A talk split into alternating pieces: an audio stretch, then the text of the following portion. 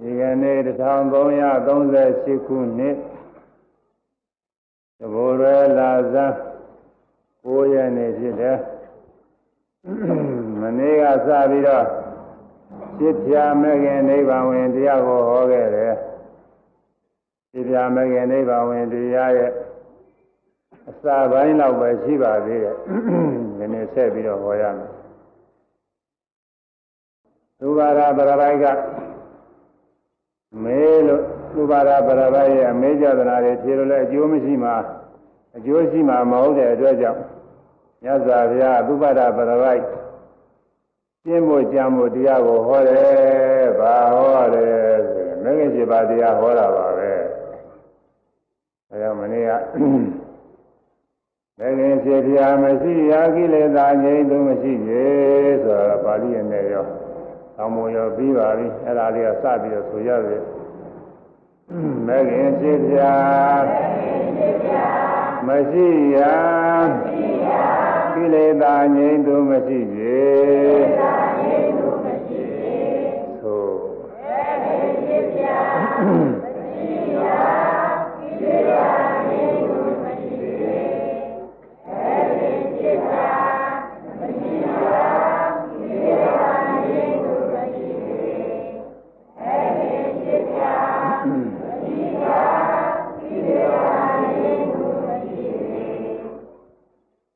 ရေပါးမဟောကြားတဲ့ဘာသာရေးသာသနာရေး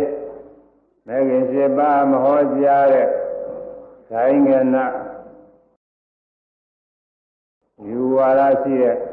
ပုဂ္ဂိုလ်တစုထဲမှာကိလေသာငြိမ်းတဲ့သောတာပန်လည်းမရှိဘူးသဂရာကအနာဂယန္တာတွေမရှိတာတော့ပို့ပြီးတော့ထင်ရှားတော့တာပါပဲအဲ့ဒါဂိမ်းနေမှဖို့ရတယ် နဂိရှိပါပွားများဖို့ရမြတ်စွာဘုရားကဓမ္မစကြာတရားကစာပြီးတော့ဟောလာတယ်နဂိရှိပါတရားပွားများဖို့အားထုတ်ဖို့မလိုဘူးလို့သုံးတယောက်ကဟောခဲ့လို့ရှိရင်အဲ့ဒါ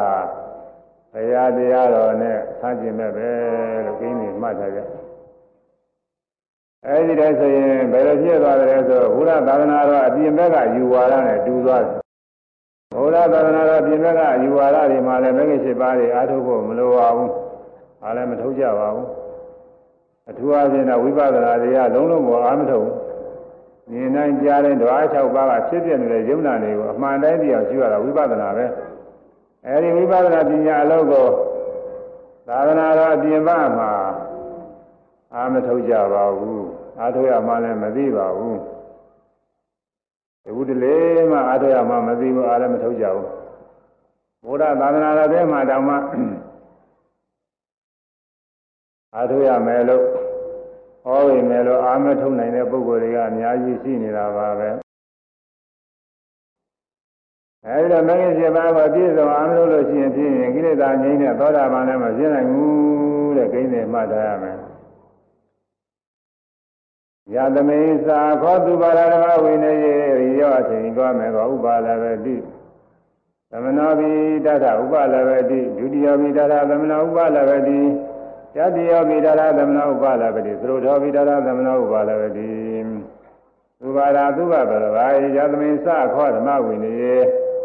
ဓမ္မဝိနည်းကိုခေါ်တော်ခြင်းပါရယေသာသနာရေးနိုင်မူကား အထင်ကြီးကအင်္ဂါ၈ပါးရှိတာရောမေဃရိယာမေကိုဥပါဒဝတိရ၏အဲရှင်နာပိုင်းကပြောခဲ့တဲ့မေခင်၈ပါးမရှိတဲ့ဘာသာရေးသာသနာရေးမှာတခြားတစ်ပါးဖြစ်တဲ့ဘာသာရေးသာသနာရေးအကျင့်ဘာသာရေးသာသနာရေးဘယ်ဘာသာတော့မှပြောပါဘူးဓမ္မဒိဋ္ဌာနဲ့ဟောပါတယ်အကျင့်ဘာသာရေးသာသနာရေးတစ်ခုမှာ အရိယာမဂ္ဂင်7ပါးတရားရှိတယ်အရိယာမဂ္ဂင်7ပါးတရားကိုဟောတယ်အရိယာမဂ္ဂင်7ပါးတရားကိုပွားများအားထုတ်ပြီးတော့နေကြတယ်သာသာတော်မဂ္ဂင်7ပါးရှိသောဘာသာရေးသာသနာရေး၌သမနောပိကိလေသာငြိမ်းသောပထမသောတာပန်ယံကိုလည်းဥပလာပတိရ၏ပထမဆုံး ဟောတာကိလေသာငြိမ်းတဲ့သမဏ၄ပါးတည်းကပထမဆုံးသမဏဖြစ်တဲ့ဟောတာပန်သမဏလည်းပဲရတယ်ရစွာရှိတာပါပဲအဲဒီဘာသာရေးသာသနာရေးမှာသောတာပန်လည်းရှိတယ်သာရဒုမဂ္ဂရှိပါရှိသောဘာသာရေးသာသနာရေး၌ဒုတိယပိသမနောကိလေသာငြိမ်းသာဒုတိယသမဏဟုဆိုသောသရဂယံကိုလည်းဥပလာဝိတိကြ၏သာရဒုမဂ္ဂရှိပါရှိသောဘာသာရေးသာသနာရေး၌ တတိယပိသမနောကိလေသာငြိမ်းတဲ့တတိယယံဟုဆိုသောသရဂကနာဂယံကိုလည်းဥပလာဝိတိကြ၏သာရဒုမဂ္ဂရှိပါရှိသောဘာသာရေးသာသနာရေး၌သရုပ်တော်ပြီးသမနောကိလေသာငြိမ်းတဲ့သရုပ်သာယံဟုဆိုသောယဟန္တာယံကိုလည်းဥပါဒဝတိရ၏သူကျုပ်ကတော့ မဂ္ဂရှိပါရှိတဲ့ဘာသာရေးသာသနာရေးမှာသောတာပန်လည်းရှိတယ်သရဂံလည်းရှိတယ်နာဂံလည်းရှိတယ်ယဟန္တာလည်းရှိတယ်အရိယပုဂ္ဂိုလ်တွေအပြည့်အစုံရှိတယ်လို့ဒါဆိုလိုတာပါပဲအဲ့ဒါကိုလည်းမနေ့ကဆောင်းမှုတော့ဆိုပြီးပါပြီမဂ္ဂင်ရှိပြရှိရမှာကိလေသာငြိမ်းသူရှိနိုင်မယ်မဂ္ဂင်ရှိပါရှိတဲ့ဘာသာရေးသာသနာရေးမှာတော့ကိလေသာငြိမ်းတဲ့ပုဂ္ဂိုလ်တွေရှိနိုင်တယ်ကျင့်ရင်ရှိမှာပေါ့လေမကျင့်ရင်တော့မရှိဘူး ဆိုရမယ်မဂ္ဂင်ရှိပြရှိရမှာကိလေသာငြိမ်းသူရှိနိုင်မ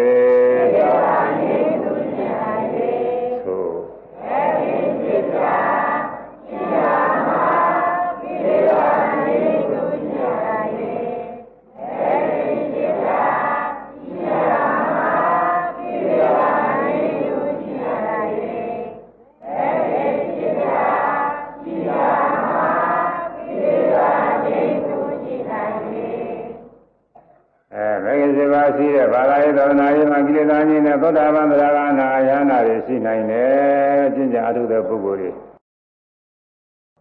သောတာပန်လည်းဖြစ်နိုင်တယ်သရဂနာယန္နာလည်းဖြစ်နိုင်တယ်ဒါပါပဲအဲ့ဒါကိန်းနေမှတ်ထားမဂ္ဂင်စေပြရှိရမှာကိလေသာကြီးတွေရှိနိုင်ပြီဘုရားသာသနာပြင်ဘက်မှာတော့ဒါမရှိဘူးဒါပေမဲ့တော့အတုပါတွေဒီသားရဟောပြောရတာတွေတော့ရှိတယ်ကြားပါပြီလွန်ခဲ့တဲ့နှစ်ပေါင်း အဲ30ကျော်လောက်ကနေတူပါတယ်ဒီမျိုးကလူတယောက်ကနေသူတို့ဘာသာထဲမှာသောတာပန်နဲ့သရဂန်နဲ့နာဂန်နဲ့ညာနာတွေရှိတယ်ကြောက်ဘယ်လိုဆိုလို့ရှိရင်သောတာပန်သရဂန်နာဂန်ညာနာအတူပါတယ်သူကစာနဲ့ရေးထုတ်ရအောင်อืมဒါတော့မဟုတ်တာပဲသူတို့ပထမမူရင်းဘာသာထဲမှာသောတာပန်ဆိုတဲ့အနည်းကိုရှိတာမဟုတ်ဘူးဗမာပြည်ကြတော့အတူပါတယ်ဘယ်လိုလုပ်ကြတာတော်တော်နေရာမကြဘူး ဘုရားတရားတော်ကဆိုပြီးဟောတဲ့ပုဂ္ဂိုလ်တချို့ကလည်းပဲဒီလိုပဲသီလသမာဓိပညာကျင့်နေကျင့်မို့ရမလို့ဘူးသူတို့ဟောတဲ့အတိုင်းနားလည်ရင်ကိစ္စပြီးတယ်ဆိုပြီးဒီလိုဟောနေရတဲ့ပုဂ္ဂိုလ်တွေရှိတယ်อืมအဲ့ဒါလည်းမရှိပါတရားပယ်တာပဲသူတို့ဟောပြောတဲ့တရားယုံကြည်နေတဲ့ပုဂ္ဂိုလ်တွေမရှိပါတရားအာမထုတ်ဘူး သီလလည်းပဲယူသဖြင့်မကျင့်သမာဓိပညာတွေတော့လုံးလုံးမကျင့်ဘူးမကျင့်ရင်ဘယ်သောတာပန်ဖြစ်မလို့ဒီလေသာငြိမ်းတဲ့ပုဂ္ဂိုလ်မဖြစ်နိုင်တော့ဘူးသာသနာတွင်းကနေပြီးသာသနာအပြင်ပရောက်သွားတယ်လို့ရောက်သွားတယ်လို့ဆိုရမှာပဲဘုရားသာသနာနဲ့ကြောင်းပြန်ဖြစ်သွားတယ်အဲ့ဒါကိုသတိပြုရခွန်ကြီးကအခုမြတ်စွာဘုရားသုဘရယဟန်ဟောထားသုဘရပြပိုက်ကိုဟောထားတဲ့တရားကို ဟောပါတယ်ကတော်ဝိုက်ပြီးတော့ပြောရတာမဟုတ်ဘူးဘုရားဟောတဲ့ဓာတ်ရိုက်ပဲအာမှမတော်ဘူးဘာမှဆွဲပြီးတော့ပြောတဲ့စကားမပါဘူးဒီထဲမှာဘုရားဟောတဲ့တိုင်းနဲ့အမှန်ထင်ရှားပါတယ်ဒီမှာသမင်းစာခေါ်သူပါရဓမ္မဝိနည်းရေအရိယာထိန်ကောမေဃဥပလည်းပဲဒီဣရေဝသူပါရသမနောဣဒဒုတိယသမနောဣဒတတိယသမနောဣဒသုတောသမနောသုညာပရဘောရာသမဏေရိညေဟိ သူပါရသုဘပရဝိမသမိန်ခောဓမ္မဝိနည်းရေငါဘုရားဟောကြားရနေတော့ဓမ္မဝိနည်းကိုဆိုတော့ဘာသာရေးသာသနာရေးနိုင်မူကားဒင်္ဂိကငါစေပါစီတော်ရိယောမေဝရိယမေကုပလည်းပရိယာယီငါဘုရားဟောတဲ့ဓမ္မဝိနည်းဝိနည်းဆိုတာဝိနည်းပြီးတဲ့ကဟိုစာအုပ်ကြီး၅အုပ်ရှိပါတယ်ညာတော်တွေကျင့်မို့ရဓမ္မဆိုတာကတော့ဗုဒ္ဓံက ဒီကကြီး900ပဲအကျေကြီးပါပဲအဘိဓမ္မာဆိုတာကလည်းပဲဒီဓမ္မခုနကြအကျယ်ကြီးပါပဲဓမ္မတွေဓမ္မဝိနည်းတွေသာသနာဆိုတာအဆုံးအမပဲအဆုံးအမဆိုတာမြတ်စွာဘုရားဟောကြားတဲ့စကားတော်ပဲဓမ္မဝိနည်းဟာသာသနာအဆုံးအမစကားတော်အာဘုရားဟောကြားတဲ့ဓမ္မဝိနည်းဆိုတဲ့ ဘာသာရေးသာသနာရေးမှာတော့မဂ္ဂင်7ပါးတရားရှိရဲ့ရှိကြောင်းမနေ့ကဓမ္မစကြာတရားအစပြီးဟောလာပုံကိုဘုန်းကြီးပြောခဲ့ပါပြီ။မဂ္ဂင်7ပါးတွေခဏခဏဟောနေတာပါပဲ။မဂ္ဂင်7ပါးဝါဖို့ပဲဟောနေတာပဲ။သူပါရာသူပါဘရဝဣရိဝမဂ္ဂင်7ပါးတရားရှိသောငါဘုရား၏သာသနာ၌သာလျှင် မနောပိကိလေသာငြိမ်းသောပထမဘောဓဘာံယံကိုလည်းဥပလာပတိယ၏မဂ္ဂင်7ပါးရှိတဲ့ငါဘုရားသာသနာမှာသာလင်းတဲ့ဒါလင်းဆိုတော့သိတဲ့ဘာသာရေးတွေမှာမရှိဘူးလို့အဲဒါပြကန့်ထားပါတယ်ဧဝဆိုတာပါဠိလိုတော့ဧဝဘုရားမြတ်စွာဘုရားဤတရားတော်ပဲဆိုပြီးအမိတတ်ပြီးဟောနေပေမဲ့လို့ဘုရားတရားတော်အတိုင်းမဟောတဲ့ ဝါရတွေမှာဆိုရင်ဒီတိုင်းပဲသာသနာအပြင်ဘက်ကပဲကိလေသာငြိမ်းတဲ့ပုဂ္ဂိုလ်တွေမရှိနိုင်ဘူးအဲငါပြဟောတဲ့ဓမ္မဝိနည်းဆိုတဲ့ဘာသာရေးသာသနာရေး၌ဒါလည်းသမနောပိကိလေသာငြိမ်းတဲ့ပထမသောတာပန်ယံကိုလည်းဥပါဒပိရ၏ပထမသောတာပန်ယံလည်းဒီမှာရှိတာပဲ ဣဒဒုတိယသမနောဣရာဤငါဖျားဤသာသနာ၌သာလင်ဒုတိယသမနောကိလေသာငြိမ်းတဲ့ဒုတိယသရဂညာကိုလည်းဥပါလေပြရ၏ဣရာဤငါဖျားဤသာသနာ၌သာလင်တတိယသမနောကိလေသာငြိမ်းတဲ့တတိယအနာဂယံကိုလည်းဥပါလပတိယ၏ဣရာဤငါဖျားဤသာသနာ၌သာလင်သရုပ်သောသမနောကိလေသာငြိမ်းတဲ့သရုပ်ထာယနာယံကိုလည်းဥပါလပတိယ၏အထိုက်သာသမာသာလင် ဣတိသာငြိမ်းတဲ့သောတာပန်သရဂနာရဟနာဆိုတာရှိတယ်အဲဒီတော့ဟောပြီးတဲ့နောက်ပို့ပြီးတော့ပေါ်လွင်အောင်မြတ်စွာဘုရားနောက်ထပ်တဝက်ကြထားပြီးတော့ဟောရတယ်သုံးညာပရပဝါရသမဏေပိအညေဟိပရပဝါရတပါးသောအယူဝါဒတို့သည်အဘုရားဟောတဲ့တရားတော်မှတပါးအပြင်ဘက်ကအယူဝါဒတွေတဲ့အဘုရားဟောတဲ့အတိုင်းမဟုတ်ဘဲနဲ့ ဟောပြောနေကြတဲ့ယူဝါဒတွေပရဘဝရတကားသောယူဝါဒတို့သည်အငြိဟိမိမိတို့ဝန်ခံသည့်အတိုင်းသိကုန်သောသမဏေပိကိရိတာခြင်းသောယဟန်တို့မှသုံးညာကင်းစိတ်၍နေကြလေကုန်တော့၏အဲမိမိတို့ဝန်ခံတဲ့အတိုင်းအမှန်တိုင်းသိတဲ့ယဟန်စိတ်တွေသမဏစိတ်တွေ သမဏအစစ်တွေမှာကင်းစိတ်နေကြတယ်လူမရှိတဲ့တောထဲမှာသွားပြီးတော့ကြည့်လို့ရှိရင်လူတယောက်မှမတွေ့ဘူးအဲသစ်ပင်မရှိတဲ့ကွင်းပြင်ထဲမှာသွားကြည့်လို့ရှိရင်သစ်ပင်မတွေ့ဘူးသစ်ပင်ဆိုလည်းထူးအားဖြင့်ဆိုလို့ရှိရင်အသုံးကျတဲ့သစ်ပင်တွေပေါ့ကွင်းပြင်ကြီးတဲ့သွားကြည့်ဘာတွေမှမရှိဘူးအဲ့ဒါလိုပဲတဘာတော့ယူဝါဒတွေဂိုင်းကနာတွေမှာ မိမိတို့ဝန်ခံတဲ့အတိုင်းကိလေသာတကယ်ငြိမ်းတဲ့သောတာပန်သရဂန္တာကယဟန်နေစာမရှိဘူးတဲ့သူကအမှန်ရှင်းပါတယ်အဲဒါခေါင်းကပထမဆုံးဆိုခဲ့တဲ့မဂ္ဂင်ရှိပြမရှိရကိလေသာငြိမ်းသူမရှိရစွာနဲ့အတူတူပါပဲအဲဒီကြတော့သာရဆရာကသမဏေပိ သမဏတော်မှာဆိုသမဏအရာကိုရှင်းတုန်းကတော့၄ပါးပဲဒီကြတော့ကိုထေရဆရာက12ပါးဖွင့်တာအရိယာမဲ့ကိုရအောင်လို့အာထုတ်နေတဲ့အာရဒဝိပဿကအာထုတ်ဆဲဝိပဿနာယောဂီသမဏက၄ပါးအရိယာမဲ့၄ပါးရောက်နေစေဖြစ်တဲ့မေဂထံသမဏက၄ပါး အရိယာဖို့ရောက်ပြီးတော့နေအလထံသမဏက၄ပါးအဲအလုံး12ပါးရှိတယ်အရိယာပုဂ္ဂိုလ်အစ်တွေက7ပါးအရိယာဖြစ်အောင်ကျင့်နေတယ်ဆိုတာအရိယာမဲ့ရောက်လို့ကျင့်နေတယ်အဲ့ဒါကဝိပဿနာယောဂီက၄ပါးပေါင်း12ပါးရှိတယ်ဝါရဒဝါရဒသမဏတွေတဲ့12ပါးသောသမဏတွေမှာကင်းစိတ်တယ် နောက်နာကြဂါထာတွေကြတာလည်းဟောတယ်ပရိသဝတ္တိမေတ္တစိတ်တေသကိုဖြစ်စေတဲ့သမနောပိဝိပဿနာယောဂီယဟန်လည်းပဲမရှိဘူးတဲ့အဲဒီလိုဟောထားတဲ့နောက်နာဂါထာတွေရှိတယ်မဂ္ဂင်7ပါးမရှိတဲ့နေရာမှာဆိုလို့ရှိရင်မဲ့ဣတစိတ်တေသဝိပဿနာမဲ့ဆိုတာနှမျိုးရှိတယ် ဘုဘဘာကမဲ့အရိယမဲ့တယ်လားဘုဘဘာကမဲ့ဆိုရှေ့ပိုင်းပဲရှေ့ပိုင်းကအောင်မြင်ပြီးဆုံးသွားတဲ့အခါအရိယမဲ့ဖြစ်တာအရိယမဲ့ဖြစ်ပြီးအရိယဖို့ဖြစ်တာဘုဘဘာကမဲ့ဆိုတာဝိပဿနာပဲတော်တော်ကြာတော့လည်းခေါ်ရမယ်အဲရှေ့ပိုင်းမဲ့ကပြင့်ကြံလာမှနောက်အရိယမဲ့ကိုရောက်တာခုလောကမှာပညာသင်ရတာတွေလိုပဲပညာသင်တဲ့ဥစ္စာအစက ဗမာစာဆိုလို့ရှိရင်ကာကြီးခါခွေတရားစပြီးတော့သင်ရတာအင်္ဂလိပ်စာဆိုလို့ရှိရင်လည်း ABC တရားစပြီးတော့သင်ရတာအဲဒီကစပြီးတော့သင်မှနောက်တစ်ဖြည်းဖြည်းနဲ့မှတ်ဉာဏ်နေပြည့်စုံလာတဲ့အခါကျတော့မှအဲစာရီမျိုးမျိုးရေးရတယ်ဖတ်တတ်တယ်အဲကောင်းကောင်းတတ်ပြီးနားလည်တဲ့အစိတ်ပိုင်းကိုနောက်ဆုံးရောက်သွားတယ်အဲဒီလိုမဟုတ်ရင်စောစောကတော့အခြေခံနေသင်ရတာပဲအဲဒီလိုပဲအရိယာမဲ့လေးပါးဖို့လေးပါးရအောင်ဟာ ပုဗ္ဗဘာကမဲ့ဆိုတဲ့ဝိပဿနာမဲ့ဒီကစတာအဲ့ဒါဒဇိတိတိသပဲမဲ့ဒဇိတိတိသအဲ့ဒီဒဇိတိတိသဖြစ်တဲ့ဝိပဿနာရှုတဲ့ယောဂီပုဂ္ဂိုလ်တောင်မှ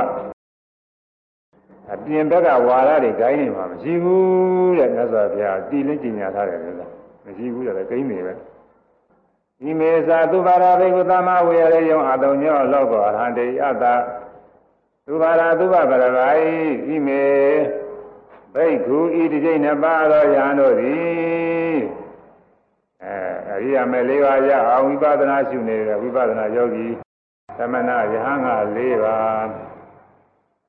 မဲ့ရောက်ဆဲဖြစ်တဲ့မေဂရံပုဂ္ဂိုလ်သမဏက၄ပါးဟို၄ပါးရောက်ဆဲဖြစ်တဲ့ပလထံပုဂ္ဂိုလ်က၄ပါး၄သုံးနေဆိုတော့7နှစ်ပေါ့အဲဒီ7ပါး သမဏတွေတဲ့ဆန္ဒပါပြီးတော့ဘိက္ခုလို့ဟောထားတယ်သမဏနဲ့ဘိက္ခုနဲ့ကလည်းအရအတူတူပါပဲကိလေသာဘိနေတိတိဘိက္ခုသမဏကတော့ငြင်းစေတယ်ဆိုတဲ့အိဗယ်ကိလေသာငြင်းစေသည်တဲ့ဘိက္ခုကလည်းပဲကိလေသာဘိနေတိတိဘိက္ခုဆိုတော့ကိလေသာကိလေသာတို့ကဘိနေတိဖြစ်စည်းရည်ဆိုငြင်းစေတာပါပဲအဲကြောင့်သမဏနဲ့ဘိက္ခုဆိုတာဒီမှာအရအတူတူပါပဲအဲဒီကိလေသာငြင်းတဲ့ သမဏယဟန်12ပါးရှိတယ်အဲ့ဒီ12ပါးကပုဂ္ဂိုလ်တွေကဣမေဇာဘိက္ခုဒီချိန်နှစ်ပါးသောယဟန်တို့သည်သမ္မာကောင်းမွန်မှငါစွာစေဝေရေယုံကဲ၍နေကုန်ညာအဲကောင်းကောင်းမွန်မွန်မှန်မှန်ကန်ကန်နိလမအတိုင်းနေကြလို့ရှိရင်လောကလောကကြီးဒီအရဟတေယရဟနာပုဂ္ဂိုလ်တို့မှာအတုံညောမစိတ်မသုံးသည်အတ္တဖြစ်လျာ၏လောကကြီးမှာယဟနာတွေ မစိမ်မသုံးမဲနဲ့အစင်သာဝရရှိနေမှာအဲဒီဒီကျင်ပါရရနေအချိုးရကြကောင်းကောင်းမွန်နေသွားလို့ရှိရင်လောကမှာယ ahanan တွေဘယ်ကံဆိုရှိနေမှာပဲယ ahanan ကရှိနေဆိုရင်ဆိုရင်လို့ရှိရင်ဗုဒ္ဓသာသနာမကွယ်တော့ဘူးပေါ့ကောင်းဆုံးနည်းပဲလားအဲတော့တာမာဝေရေရောကောင်းစွာနေတဲ့ဆိုတာဘယ်နဲ့တော့အဲကိုယ့်အကို ကောင်းကောင်းမွန်ကျင့်ပြီးတော့နေုံနဲ့ပြီးကြလားလို့ဆိုတော့အဲဒီလိုမဟုတ်ဘူးအဲဒီလိုနဲ့တော့ဉာဏ်မစိတ်မသုံးတာမဖြစ်နိုင်ဘူးအဲကြောင့်ထေရတာကဖွင့်ထားတယ်သောတာပန်နောအတနောအဓိကရာဌာနံအညတာခေတ္တဝတာပိသောတာပန်ံကရွန်တော်သမဝေရတိနာမသောတာပန်နောသောတာပန်ပုဂ္ဂိုလ်သည် အရဏမိမိဟာအရဏမိမိသည်အဓိကတံရပြီးတော့ဌာနံအဓိကရာဌာနရပြီးတော့ရဌာနကိုအညတာတဘာသာပုဂ္ဂိုလ်ကိတ္တဝါပြောကြ၍ဓာမိဒုတဘာသာပုဂ္ဂိုလ်ကိုလည်းသောတာပန်ံကံတော်သောတာပန်ဖြစ်အောင်ပြုနိုင်နေရှိသောသမ္မာဝိရဒိနာမအကောင်းစွာနေပြီသောတာပန်ဖြစ်တဲ့ပုဂ္ဂိုလ်ကမိမိရထားတဲ့ တရားကိုပြောတဲ့နည်းပြောရမှာပေါ့လေညာဆိုလို့ရှိရင်တော့လည်းလူတွေလျှောက်ပြောလို့မဖြစ်ပေဘူး။ညာချင်းချင်းတော့ပြောမယ်ဆိုပြောနိုင်ပါလေ။အဲမိမိရထားတဲ့တရားကိုပြောတဲ့နေရာပြောပါတဲ့ပြောဟောပါတဲ့ကိုရထားတဲ့တရားတွေဘယ်လိုအားထုတ်ရင်ဘယ်လိုဖြစ်တယ်ဘယ်လိုသိတယ်အဲတော့ပြောပါတဲ့အဲဒီတော့ပြောပြီးတော့အဲ့ဒီတဘာသာပုဂ္ဂိုလ်ကိုလည်းပဲသောတာပန်ဖြစ်ပါစေတဲ့သောတာပန်ဖြစ်တဲ့နေရာမှာတိုက်တွန်းပြီးတော့ပြေးပါတဲ့ တိုက်တွန်းတဲ့အတိုင်းအဲ့ဒီပုဂ္ဂိုလ်ကလည်းပဲ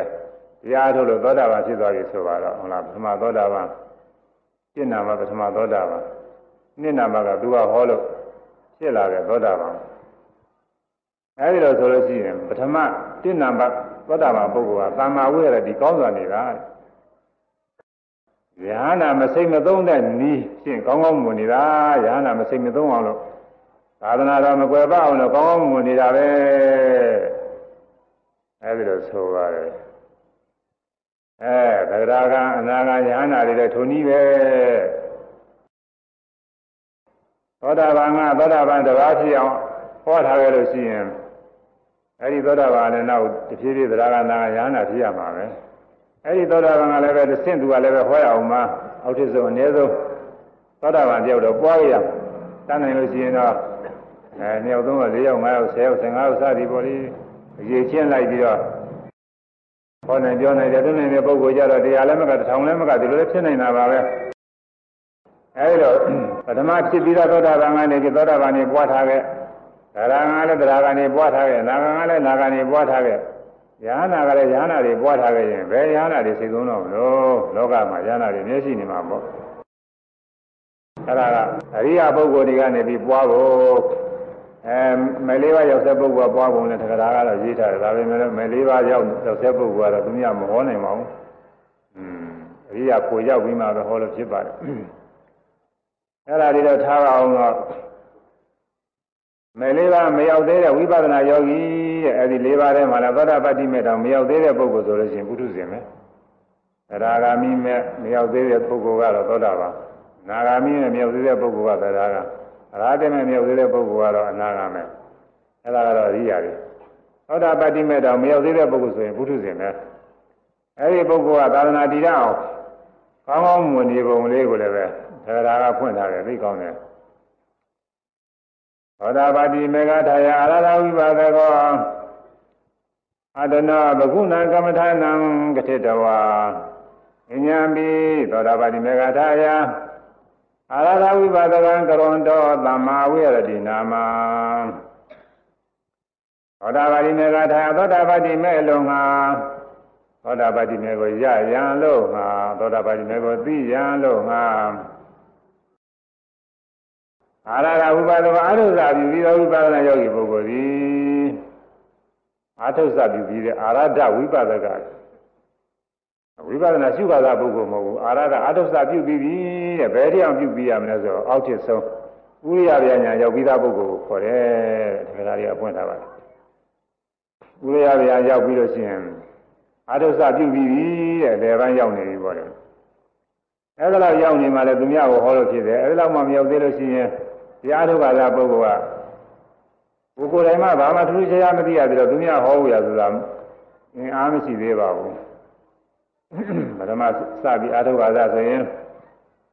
သမာဓိတောင်မဖြစ်သေးတော့သမာဓိဖြစ်အောင်မနာထုတ်ရတယ်သမာဓိဖြစ်တော့စိတ်တည်ငြိမ်လာရင်နည်းနည်းတော့တောလာရဲ့သမာဓိဖြစ်ပြီးပြီမယ်လို့ယုံနာနေပိုင်းမယ်လည်းမသိသေးရင်နာမရူပပရိစ္ဆေညာကိုဖြစ်သေးဘူးအဲသမာဓိပြည့်စုံရင်အများကောင်းလာမှယူတိုင်းမှာလည်းယုံနာလေးတွေကွဲပြားပြီးတော့သိတာနောက်ပိုင်းကျမှအဲအချိန်ရစီရလေဆိုဘုန်းကြီးကပြောရမှာ ဘုန်းကြီးတို့ကဒါပဲဟောနေတာသိညာဟောတာမဟုတ်နောက်အကြောင်းကျိုးတွေပိုင်းခြားသိတာလည်းနောက်ဖြစ်ဖြစ်တွေပြီးတော့ဥရပြညာရောက်လာမနောင်အားရစရာကောင်းတယ်အကြောင်းလင်းပိဋိပတ်တာတွေနဲ့သိပြီးဝမ်းမြောက်စရာဝမ်းသာစရာတွေအဲဒီရောက်လာအဲဒီရောက်လို့ရှိရင်အာရဒဥပါဒကဖြစ်ပြီးတဲ့တည်းတိုးတက်ပြီးတော့ဘင်္ဂညာရောက်ဗျာညာအာရိနဝညာနေဗိညာညာမုစိပိညာပရိသင်္ခသင်္ခါရုပ္ပကညာသင်္ခါရုပ္ပကညာတော့အကောင်းဆုံးပေါ်နေအာရဒဥပါဒကထဲမှာ အဲဒီအာရဒဥပါဒကပုဂ္ဂိုလ်အထုဇပြုပြီးဖြစ်တဲ့ဝိပဿနာယောဂီပုဂ္ဂိုလ်ကတဲ့အာရဏမိမိယဝဂုဏလေးလာကျေပြင်းနေသောကမ္မထာနာကမ္မထာကိုမိမိမှာအာထုတ်လို့လေးလာကျေပြင်းနေတဲ့ကမ္မထာနဲ့ဘာကမ္မထာဖြစ်ဖြစ်ပေါ့ကတိုင်းဖြစ်ဖြစ်အာတုဘဖြစ်ဖြစ်အာနာပါနာဖြစ်ဖြစ်ကာဂရသတိပဲဖြစ်ဖြစ်အဲမေတ္တာကရုဏာမုရိဒာဥပေက္ခဆိုတဲ့ဗြဟ္မဝိဟာရပဲဖြစ်ဖြစ် ဘုရားနုပတိဓမ္မနုပတိစသည်ဓာတ်တွေအကုန်လုံးအတူတူကြီးတဲ့ပါပဲဒါအထုတ်ကောင်းတဲ့ဥစ္စာတွေကြီးတဲ့ပဲအဲအရေးကြီးဆုံးကတော့ဝိပဿနာကမ္မထာကတော့အရေးကြီးတယ်သမထသက်တဲ့နေကတော့ဝိပဿနာအဲသမထသက်တဲ့နေကတော့မဲ့ဖို့မရောက်နိုင်ဘူးသမထအခြေခံပြီးတော့ဝိပဿနာလည်းရှုအောင်မှဝိပဿနာရှုပုံလေးလည်းနားလည်ထားအောင်မှဝိပဿနာရှုပုံလေးနားလည်ထားလို့ရှိရင်တော့သမာဓိအားကောင်းတဲ့ပုဂ္ဂိုလ်ကပြုလိုက်လို့ရှိရင်မကြခင်မဲ့ တရားသူတရားမြတ်တွေရပြီးတော့သွားနိုင်ပါတယ်အဲနီးလေးသိထားဖို့ရအရေးကြီးတယ်အဲတော့မိမိမှာကျေးဇူးနေတဲ့ကမ္မထံသမထကမ္မထံဝိပဿနာကမ္မထံသမထကမ္မထံနဲ့ဝိပဿနာကမ္မထံတွဲရဖြစ်ဖြစ်ဝိပဿနာသက်တဲ့ကမ္မထံပဲဖြစ်ဖြစ်ကျေးဇူးနေတဲ့ကမ္မထံကိုကတိတဝါဟောပြော၍ညာမိတဘာသာပုဂ္ဂိုလ်ကိုလည်း သောတာပတိမေကထာယအာရဘုဂသကံသောတာပတိမေကိုရရန်လို့ငါအာရုစပြုပြီးတော့ဝိပဿနာယောဂီ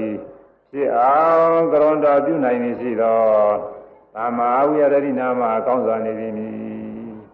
အဲတဘာသာပုဂ္ဂိုလ်ဝိပဿနာရှုဥရိယပြညာရောက်အားထုတ်ပြီဆိုလို့ရှိရင်ပထမတိုက်တွန်းတဲ့ယောဂီပုဂ္ဂိုလ်သူကသူကလည်းဟိုသင်းမှာဝိပဿနာယောဂီပဲရှိသေးတယ် သောတာပန်မဖြစ်သေးပါဘူးသောတာပတိမေမရောက်သေးဘူးအထုတ်တော့မှရှိသေးအဲဒီအထုတ်ဆရာယောဂီကကိုကျေးဇူးနေတဲ့ကမ္မထာကိုနားလည်းနေတဲ့ကမ္မထာသူများဟောပါတဲ့ရေးကြည့်တယ်အဲ့ဒါလေးရေးကြည့်တယ်တချို့ကကိုယ်တိုင်ကဘာမှအာမထုတ်ပဲနဲ့စာပြီးပြီးပြီးနဲ့ကိုယ်သဘောကြတယ်တဲ့ကမ္မထာနေဟောနေတာလည်းရှိတယ်ဘုန်းကြီးတို့ကြားသိရတယ်အဲ့ဒါနေရာမကြောက်ဘူး ကိုယ်တိုင်သိပြီးမှဟောမှဖြစ်တယ်ကိုယ်တိုင်ကသိတာမများတော့သိမှဝိပဿနာဉာဏ်ဖြစ်ပုံနဲ့သိတာမများတော့သိအောင်မှအားထုတ်တာမှအဲ့ဒါမှကောင်းတယ်အဲ့ဒါမှဒီမှဒီမှလည်းအမှားမှလည်းခွဲခြားဝေဖန်ပြီးသုံးပြနိုင်တယ်ဘုရားအာမထုတ်ပဲနဲ့သူများဝါထုတ်ဖို့အတိုက်တွန်းတယ်ဆိုတာကတော့ကိုမစားဘူးဆိုတဲ့ဆေးသူများကျွေးတာနဲ့တူတယ်ကိုတော့မစားဝင်ဘူးဒီဆေးစားရင်ဘာဖြစ်မှမသိဘူးမစားဝင်ဘူးဒါပေမဲ့သူများကိုဒီဆေး တိုက်ကျွေးကြည့်တာအဲ့ဒါနဲ့ခါတူလူဖြစ်နေနေရာမကြဘူးကကိုယ်တိုင်အားထုတ်ပြီးလို့ကိုသိတဲ့တရားလေးသူများသိပါစေလို့အဲ့ဒီလိုဟောမှတရားကြတယ်အခုသက္ကရာဆရာပြောတာအဲ့ဒါပြောနေတာသောတာပတိမေရအောင်လို့အားထုတ်နေတဲ့ယောဂီပုဂ္ဂိုလ်ပါပဲအားထုတ်စေပါပဲအဲဒီပုဂ္ဂိုလ်ကသူ့မှာကျေးဇူးနေတဲ့ကမ္မထာလေးဥရိယပြညာရောက်လို့ရှိရင်တော်တော်ကျေးဇူးနေပြောခြင်းပြောစရာတွေလည်းပေါ်တယ် အယောင်လေးနေပိရိပါဒာရီတွေနဲ့ဝါမျိုးဝန္တာစရာတွေတွေ့တာအနာကောင်းတာအဲဒီကြရင်မပြောရရင်တရားမနေနိုင်ဘူးကိုတွေ့ထားတာလေးတွေသိပြောခြင်းသာကမ္မထာဆရာဖြစ်တဲ့ပုဂ္ဂိုလ်များသိပြောခြင်းသာအဲညာကြီးဆရာထံသွားလို့မဖြစ်လို့တချို့မပြောရဘဲနဲ့နေနေပြောသိပြောခြင်းသာတို့သူများလည်းပဲသိတိုက်တွန်းခြင်းနဲ့ကိုယ်နဲ့စတဲ့ပုဂ္ဂိုလ်တွေသိတရိရတယ်ဘယ်သူသွားပြောလိုက်ရလို့ရှိရင်တော့ဒီတရားအားထုတ်မှာပဲသိကောင်းတာပဲ အဲစသည်ဖြင့်အဲဒီလိုစဉ်းစားနေတာတွေလည်းရှိတယ်အဲဒါတွေလုံးပြတာပါပဲတော့မလို့အဲဒါသူဟောပြရှိတယ်အဲဒီလိုပုဂ္ဂိုလ်မိမိမှာကျေးဇူးနေတဲ့ကမ္မထာကိုသူများကိုဟောပြပါဟောပြပြီးတော့အဲဒီပုဂ္ဂိုလ်လည်းပဲမိမိလိုပဲအာရဒဝိပါဒကဖြစ်ပါစေအောက်တည်းဆုံးဥရိယပြန်ညာရောက်ပါစေဥရိယပြန်ညာရောက်လို့ရှိရင်ဆက်လက်အာထုတ်ပါတယ်မတိုက်တွန်းရပါဘူးသူကသူအာထုတ်သွားတော့တာပဲအာထုတ်သွားပြီးတော့ သင်္ဃဘယအဒိနာနေပိနဝုဇိတိမြတ်ပြည်သင်္ဃသင်္ဃရုပ္ပခညာဝိပဿနာညာနဲ့ဆင်းနေတတ်တာပဲသင်္ဃရုပ္ပခညာကပြည့်စုံတဲ့ခါကလာကြအရိယမညာပညာရောက်တာပဲသောတာပန်ဖြစ်တယ်သောတာပန်ဖြစ်ုံနဲ့ရတယ်မနေဘူးသောတာပန်ကလည်းဆက်အာထုတ်သရဂံဖြစ်အဲအများဆုံးခုနဘဝပဲခုနဘဝအတွင်းမှာဉာဏ်ဖြစ်နေအဲအဲဒီတော့မဟုတ်ဘဲနဲ့သရဂံဖြစ်တာလည်းရှိတယ်နာဂံဖြစ်တာလည်းရှိတယ်အဲဒါတွေဘုံစင်စံလို့ခေါ်တယ်နာဂကနေပြီးဉာဏ်အစင်းစင်တက်တာလည်းရှိတယ်တခါလဲ သောတာပန်ဖြစ်နေနေပြီးတော့ခုနဘဝကြမှာဉာဏ်ဖြစ်တဲ့ပုဂ္ဂိုလ်ရှိတယ်အဲဒါသတ္တခတုပရမတဲ့ဒါအနည်းဆုံးပုဂ္ဂိုလ်ပဲအဲဒီကျင်တဘဝလောက်နဲ့ဉာဏ်ဖြစ်တာရှိတယ်နှစ်ဘဝသုံးဘဝလေးဘဝငါးဘဝ၆ဘဝနဲ့ဉာဏ်ဖြစ်တာရှိတယ်ကောလံကောလာလို့ခေါ်တယ်အဲဒီတော့ဝိရိယဗျာညာရောက်အောင်တရားအထုတ်ဖို့ရတိုက်တွန်းပေးလို့ခြားသောပုဂ္ဂိုလ်ကလည်းအထုတ်လို့ဝိရိယဗျာညာရောက်သွားပြီဆိုရင်ပထမ တိုက်တွန်းတဲ့ယောဂီပုဂ္ဂိုလ်ဟာသမ္မာဝိရတိကောင်းစွာနေတာပဲဘာအတွက်ကောင်းစွာနေတာလဲဆိုလောကကြီးမှာယာနာမစိမ်မသုံးအောင်လို့သာသနာမကွယ်ပအောင်လို့ကောင်းစွာနေတာတဲ့အဲဒီတော့အခုပြိဿတွေစဉ်းစားကြည့်ရင်သဘောပေါက်တော့ပါပြီအဲဒါကကိုယ်တိုင်နဲ့အားထုတ်ရမယ်ကိုယ်တိုင်အားထုတ်ပြီးသူများလည်းပဲအားထုတ်ခြင်းအောင်လို့ဟောပြောရမယ်အဲဒီလိုဟောပြောနေလို့ရှိရင်သာသနာတရားတည်ရောက် လုံငန်းအကောင်းဆုံးပဲဆိုတာအာမနာခိုင်းပါပါတယ်ဒီလိုမဟုတ်ဘဲနဲ့ကိုယ်တိုင်ကလည်းအာမထုတ်ဘူးသူများလည်းအာမထုတ်အောင်လို့ကန့်ကွက်နေမယ်ဆိုလို့ရှိရင်သာသနာပြည့်ကြောင်းမယ်ဒါသာသနာပြည့်ဖို့ရပဲဥပမာဗာပေးထားတယ်ဆိုတော့ဒါကနလဝနံတရဝနံဝိရတယ်ကျူတော်များများမြတ်တော်များလိုပဲ ကျူတော်ဆိုတာကျူပင်တွေတွေ့ဘူးကြမှာပါပဲအဲ့ဒါတွေကပင်အိုကြီးရသေးကုန်မယ်မယ်လို့ပင်ပြိုလေးတွေကတော့သူကကြမ်းကြံနေတာကိုရနေတော့ဘေးရအန္တရာယ်မရှိမယ်ဆိုလို့ရှိရင်ဇာတိဥဒုတို့ဘာလို့စားရှိပြီးဖောက်ပြန်တာဘေးရအန္တရာယ်မရှိဘူးဆိုလို့ရှိရင်ဒီကျူတော်ကနှစ်တရားလောက်နေကြည့်တယ်ဒီကျူတော်ရှိတာပဲနှစ်ထောင်လောက်နေကြည့်တယ်ဒီကျူတော်ရှိတာပဲမပြည့်ဘူးအဲဒီနည်းအားဖြင့်မြားမြက်တယ်မြားမြက်ဆိုတာ ဘုန်းကြီးတို့တက်စီမှာမြားမြက်လို့ခေါ်တယ်မြက်ဒီမြက်နဲ့ပဲတူပါရဲ့သူကမြားလို့ခေါ်တယ်မြားနဲ့ခတ်တူတူပါသူကအချောင်းတန်လေးအဲဒီမြက်တွေကလည်းပဲလက်ကွင်းတွေပါတွေထဲမှာသူကမျိုးစစ်ကြပြီးမှတော့ဒါတွေထုတ်ပြဖွယ်မနာခဲ့တယ်မြေကြီးထဲမှာသူကဥတွေပါတယ်နဲ့သူကနောက်အဆက်ဆက်သူကပွားနေတာမနာတောင်လေးပါပဲအဲ့ဒါလိုပါပဲ ဝိပဿနာယောဂီပုဂ္ဂိုလ်ဝိပဿနာယောဂီပွားခဲ့လို့ရှိရင်သောတာပန်သရဂံအနာဂံယဟန္တာအစဉ်တိုင်းဖြစ်ပြီးတော့ယဟန္တာတွေမစိမ်မသုံးမဲ့နေပါလိမ့်မယ်အဲ့ဒါသာသနာတည်ကြောင်းယဟနာတရားလို့သာသနာမစိတ်သုံးကြောင်းအကောင်းဆုံးနည်းတဲ့အဲဒီအကောင်းဆုံးနည်းဘုန်းကြီးတို့လည်းတတ်နေကြအခုလိုဟောနေရတာပဲအဲဘုန်းကြီးတို့နဲ့စတဲ့တရားဓမ္မတွေလည်းရအထုတ်ပြီးသူတို့လည်းစစရာတွေဟောနေရာကြပါတယ် ဒီလိုလူများစုနဲ့တရားပွဲတွေဟောရအဲအချင်းချင်းကတော့တရားထုတ်တဲ့ယောဂီတွေကလက်သိထိုးပြီးတော့သူတို့ချင်းချင်းပြောလာတာရင်းနှီးတဲ့ပုဂ္ဂိုလ်တွေအဲဒါတွေမိဘတွေကဆိုသားသမီးတွေညီကိုမောင်နှမတွေနောက်ပြီးတော့သားသမီးတွေကလည်းမိဘတွေမိတ်ဆွေသင်္ဃာတွေဒီလိုတိုက်တွန်းလာလို့တရားတွေလာအားထုတ်ကြတာအားထုတ်တော့ဥရိယရဲ့ညာစားပြီးရောက်ရင်ကျေးဇူးလေးတင်ပါတယ်အမှန်လည်းဝန်တာပါတယ်အမှန်လည်းကောင်းပါတယ်အဲဒီကနေဆင်းနေအားထုတ်သွားလို့ရှိရင် တရားပြည့်စုံတဲ့အချိန်အထိလည်းပဲရောက်ပြီးတော့သွားနိုင်ပါတယ်အဲဒါညာနာတိုင်အောင်လောကကြီးသာသနာမစိတ်ဖဲနဲ့သာသနာတော်အစဉ်သာဝရတည်ကြောင်းနေတာဘုရားသာသနာတော်ကိုကြီးညိုတဲ့ပုဂ္ဂိုလ်တိုင်းယုံကြည်တဲ့ပုဂ္ဂိုလ်တိုင်းလေးစားတဲ့ပုဂ္ဂိုလ်တိုင်းဒီအလုပ်ဟာလုပ်တင်တာပဲသူများလုပ်နေတာတွေလည်းအားပေးတင်တာပဲအမှန်ကောင်းတဲ့လုပ်ငန်းတဲ့အဲဒါကကျူတော် များမြတ်တော်များလိုပဲလို့သက်မဲ့ဥပမာကိုပေးတယ်ဘုန်းကြီးကတော့သက်ရှိဥပမာပေးခြင်းလောကမှာလူတွေဆက်မပြတ်ဖြစ်နေတာမိဘတွေကသာသမီတွေမွေးထားခဲ့လို့ပဲမိဘတွေကတော့သာသမီတွေမမွေးခဲ့ဘူးဆိုလို့ရှိရင်လူတွေလောကကြီးမှာလူတွေပြတ်သွားမှာပေါ့အခုကလူတွေကအချင်းရွယ်ရောက်လို့ရှိရင်ဖြင့်ဒီနောက်လူပြီးသာသမီတွေမွေးမွေးထားခဲ့တော့အဖိုးဘွားတွေသေးသွားလည်းပဲ ရားနေသေးတာပဲသာသမီတွေအဲအဲဒီမိဘတွေကတခါသေးသွားကြလို့ရှိရင်မြည်တွေသာသမီတွေကြားနေသေးတာအဲဒါတွေကလည်းသူတို့အစင်းစင်တခါလည်းမွေးခွာနေတော့လောကကြီးမှာလူတွေမစိမ့်သုံးမစိမ့်သုံးရင်မကဘူးလူရည်တွေတိုးတော့တိုးနေတာပဲအဲဒီလိုပဲဝိပဿနာယောဂီပုဂ္ဂိုလ်ကသူတော်ဘာတွေဝိပဿနာရှုခြင်းအားထုတ်ခြင်းအောင်တိုက်တွန်းဟောပြောပေးလို့ရှိရင်အဲဒီတခြားသောပုဂ္ဂိုလ်တွေလည်းအားထုတ်လို့ ယောဂီပုဂ္ဂိုလ်တွေဖြစ်ဥရိယဗျာဉာဏ်စားပြီးရောက်သွားလို့ရှိရင်ဖြင့်အဲဒီစင်တိုင်းတက်ပြီးတော့သူကသောတာပန်ဖြစ်သောတာပန်ကနောက်ကိုဒီနေ့ဒီချိန်ကြလို့ရှိရင်တရားကအနာကယဟနာဖြစ်မယ်ယဟနာတရားမစိမ့်မသုံးဘူးအဲဒါအခုတရားနာတဲ့ပုဂ္ဂိုလ်တွေနားလည်တော့ပါပြီနားလည်လားတရားဓမ္မတွေမလဲကြတော့မရှိပါဘူးဒါမှနားမလဲရင်လည်းမတတ်နိုင်ဘူးလို့ဆိုအဲဗမနာဒီเจ้าနေ အဲ့ဒါမဂ္ဂင်7ပါးတရားပွားများရမယ်ဟဟောတာဟာသာသနာတည်ကြောင်းပဲဘယ်စေပါတရားပွားများဖို့မလိုဘူးဝိပဿနာအားထုတ်ဖို့မလိုဘူးလို့ဟောလို့ရှိရင်ဒါသာသနာပြည့်စည်ကြောင်းတဲ့အဲ့ဒါသိနေမှတ်ထားကြလားအဲသုဘရယံကအဲ့ဒီတရားကိုသဘောကျပြီးတော့ရသော်ဗျာတံရံပြုအဲရှင်ရံပြုကိုရခွင့်တောင်းပါလေအ တူတူပဲပြောရမယ်ရှင်းဆိုလို့ရှိရင်တော့ဒီမှာဟိုရင်ပရိဝတ်တွေပါလေရှိသေးတယ်သူကအဲရသော်ဗျာသုဘရဘရပိုက်ကိုရှင်သာမေပြုပေးဖို့ရှင်အနန္ဒာကိုညွှန်ကြားလိုက်တယ်ရှင်အနန္ဒာကသူခေါ်ပြီးတော့ရှင်သာမေပြုပေးတာအဲဒီခါတုန်းကအငြင်းဥယျာဉ်ထဲမှာ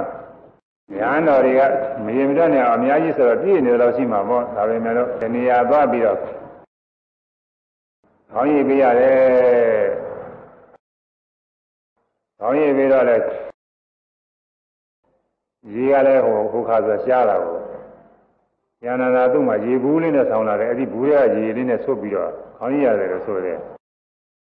အဲသင်္ကန်းဝုတ်ပဲသင်္ကန်းဝုတ်ပဲတော့သူပဒပရပဲအစသင်္ကန်းမှာပါတာမဟုတ်ပဲဉာဏနာရှာပြီးတော့ဝုတ်ပေးရမှာဘုလုံးကရှင်ပြတာကသိတွေ့တာလို့ဆိုဘာမှဈေးမကုန်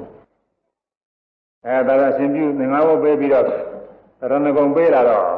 ရှင်သာမေဖြစ်ကိုရင်ဖြစ်လာတာပေါ့ရှင်သာမေဖြစ်လာပြီးတဲ့ခါကလည်းမြတ်စွာဘုရားတန်ခေါ်လာတယ်အဲမြတ်စွာဘုရားတန်ခေါ်လာတဲ့ခါကျဘဂဝါဥပဒမာရေတဝကပ္ပနာအာဇိကိဘဂဝါမြတ်စွာဘုရားသည်တာတော်သူပါရရှင်သာမေကိုဥပဒမာရေတဝဖြစ်စဉ်ဖြစ်စေရဟန်းဖြစ်စေ၍ရဟန်းပြုပေပြီး၍ ကမ္မထာနာအာဇိကိကမ္မထံကိုဟောကြားတော်မူလေသည်အခုပဲမြတ်စွာဘုရားတန်ရောက်လာအခုပဲသရတရားဖြစ်လို့သာသနာတော်ဝิญဉ်လို့လျှောက်ထားအခုပဲသူကသံဃာဝုတ်ပြီးဟုတ်လားသကောင်းညာကြီးအဲဒီနေခင်းရမဟုတ်သကောင်းညာကြီးအဲဒီအချိန်မှာသံဃာဝုတ်ပြီးရှင်သာမဏေဖြစ်လာပြီးတော့မြတ်စွာဘုရားတန်ရောက်တဲ့အခါမြတ်စွာဘုရားကရဟန်းပြုပေးတယ်ဘယ်ပုံပဲနည်းပြုပေးတယ်မပါဘူးအေးဘိက္ခုတော့လည်းဟုတ်ပုံမရဘူးအေးဘိက္ခုက ဘုရားဖြစ်ခါသာအေးဘိက္ခုခေါ်ပြီးလည်းလည်းကူနဲ့ရဟန်းပြုပေးတယ်နောက်တော့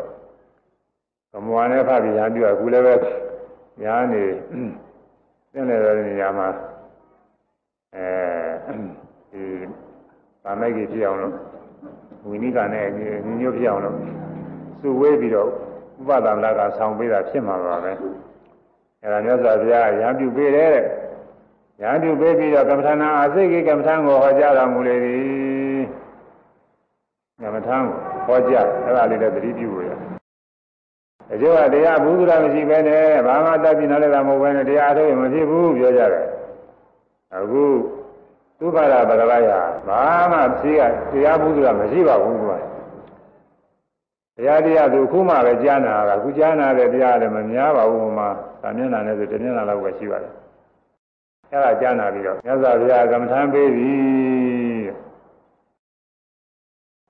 အဲ့ဒါခုနေခါလည်း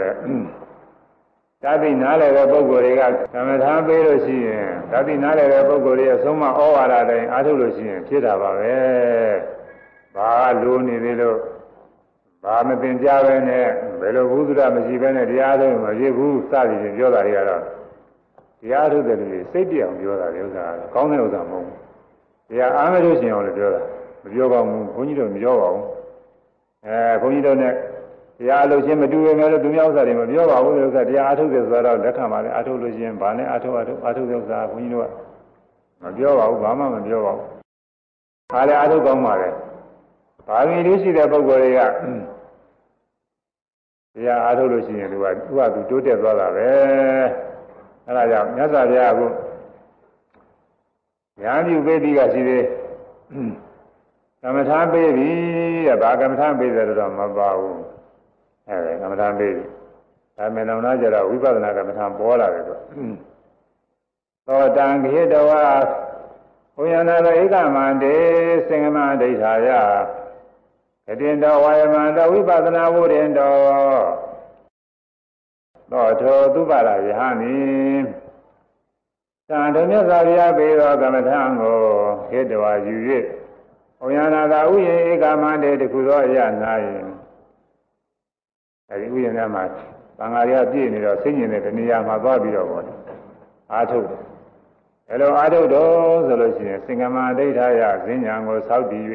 တက္ကရာကဈဉ္ညာလျှောက်ပြီးတော့အာထုတ်တယ်လို့ဆိုပါတယ်။ပါဠိတော်မှာတော့ဧကောဝုပကတော့အဲတဘာတိစိညာကပြီးတော့ဗဟိတတော်နိဗ္ဗာန်သောစေလောသောသိရှိပြီးဖြစ်ပြီးအာတာပြီးအဲကိလေသာပူပန်ကြတဲ့လုံလဝိရိယနဲ့ပြည့်စုံပြီးဖြစ်ပြီး အာထုတ်တယ်တော့အဲဒီပြပြပါတယ်ဘာအာထုတ်တယ်လို့မပေါင်း။တက္ကရာကတော့ဒီမှာသေချာပြထားတယ်။သင်္ကမဒိဋ္ဌာယသင်္ကမစဉ္ညာကိုဒိဋ္ဌာယဆောက်တည်၍စဉ္ညာလျှောက်ပြီးတော့အထုတ်တယ်လို့ပြောတယ်။သမထကမ္မနာဆိုလို့ရှိရင်တော့ငြင်းငြင်းလေးထိုင်ပြီးအထုတ်မှပို့ပြီးတော့ကောင်းပါလေ။စပြအထုတ်ကသာမှငြင်းငြင်းအထုတ်ရတယ်။နောက်ပိုင်းကျတော့လဲသွားရင်လာရင်လည်းနှလုံးသွင်းရတာရှိရရှိပါတယ်။အခုတော့သူကစပြအထုတ်ကသာတဲ့စဉ္ညာလျှောက်အထုတ်တယ်ဆိုတော့ တတိပဒံဝိပဿနာကမ္မထာဖြစ်မှာပေါ့။ဟွန်းတတိပဒံဝိပဿနာကမ္မထာမြတ်စွာဘုရားဟောတာလေကိသံတော်ဝါကိသမိတိပဇာနာတိကိသံတော်ဝါသွားသည်ရှိတော်မူလေကိသမိတိသွားသည်ဟူ၍ပဇာနာတိပြီးသွားနေစေဆိုရင်သွားတာကိုရှုရတယ်ရှုတော့ဘာပြီးအောင်ဆိုလို့ရှိရင်ဒါကပြထားတယ်ကိသမိတိစိတ်တံဥပ္ပဇ္ဇတိတဲ့သွားမယ်ကြံတဲ့စိတ်ကလေးဖြစ်လာတာလည်းသိရဲ့တဲ့အာဝါယံစနေတိ အဲ့ဒီသွားခြင်းတဲ့စိတ်ကလေးကြောင့်တောင်းနှင်းလို့ရတဲ့ဝါရဒတွေဖြစ်လာတယ်သိရဲ့အဲ့ဒီဝါရဒတွေဒီကိုယ်လုံးပြန့်နှံ့ပြီးတော့ဘောလုံးနဲ့များလေးထိုးသလိုဒီကလုံးပြန့်နှံ့ပြီးတော့ဖြစ်တော့ကံပြီးတော့လိုရှိရပဲစီကိုတွန်းကံပြီးတော့ပို့တာဟိုတကယ်ချင်းတွေ့ချင်းသွားတာဂရီပုဂ္ဂိုလ်တွေနေရတော့ကိုယ်ကောင်ထကြီးတဲ့ရွေးသွားတယ်အောင်မလားမဟုတ်ဘူးသူစားကောင်ထကြီးတဲ့မဟုတ်ဘူးအဲ့ဒါဝါယောရတွန်းကံလည်းရုပ်သေးသေးတွေရွေ့ရွေ့ပြီးတော့ဖြစ်နေတာဒီတိုင်းငြိမ်းနေတဲ့ခါလည်းပဲ ရုပ်သေးသေးတွေဖြစ်နေတာပါပဲအဲ့ဒါကိုသိတယ်အဲ့ဒါပါဠိတော်အရကိစ္စံတော်ဝါသွားသည်ရှိတော်သည်ဆိုကိစ္စံတော်သွားသည်ဆိုတာသာသင်မှုတဲ့ပုဂ္ဂိုလ်တွေအနေအားဖြင့်တော့အမှန်တရားကြားပါတယ်။သွားနေစေသွားနေတော့ဒီတော့ကြွနေတယ်လှမ်းနေတယ်ချနေတယ်အဲ့ဒီသစ္စုပ္ပန်ဆဲတဲ့ကိုရှုရတာအဲ့ဒီလိုရှုမှဝိပဿနာဆိုတာဖြစ်တာအဲ့လိုရှုရတာ ထိုင်ပြီးတော့ဘုဒ္ဓအရာနဲ့စဉ်းစားမယ်ဆိုလည်းရတာပေါ့သွားခြင်းနဲ့စိတ်ကြောင့်အဲဝါယောဓပြဋ္ဌာန်းတဲ့သွားယုတ်တွေဖြစ်တယ်ဥပချီပင်ခဏမစက်ဖြစ်ပြပြီးတော့နေတယ်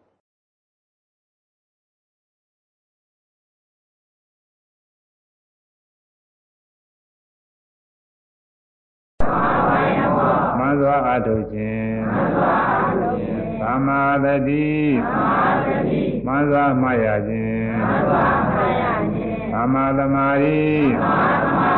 မသောသုစိတ်တည်ခြင်းအဲဒီကမဂ္ဂင်7ပါးတရားဆိုတာဒါပဲအဲဒီမဂ္ဂင်7ပါးတရားထဲမှာ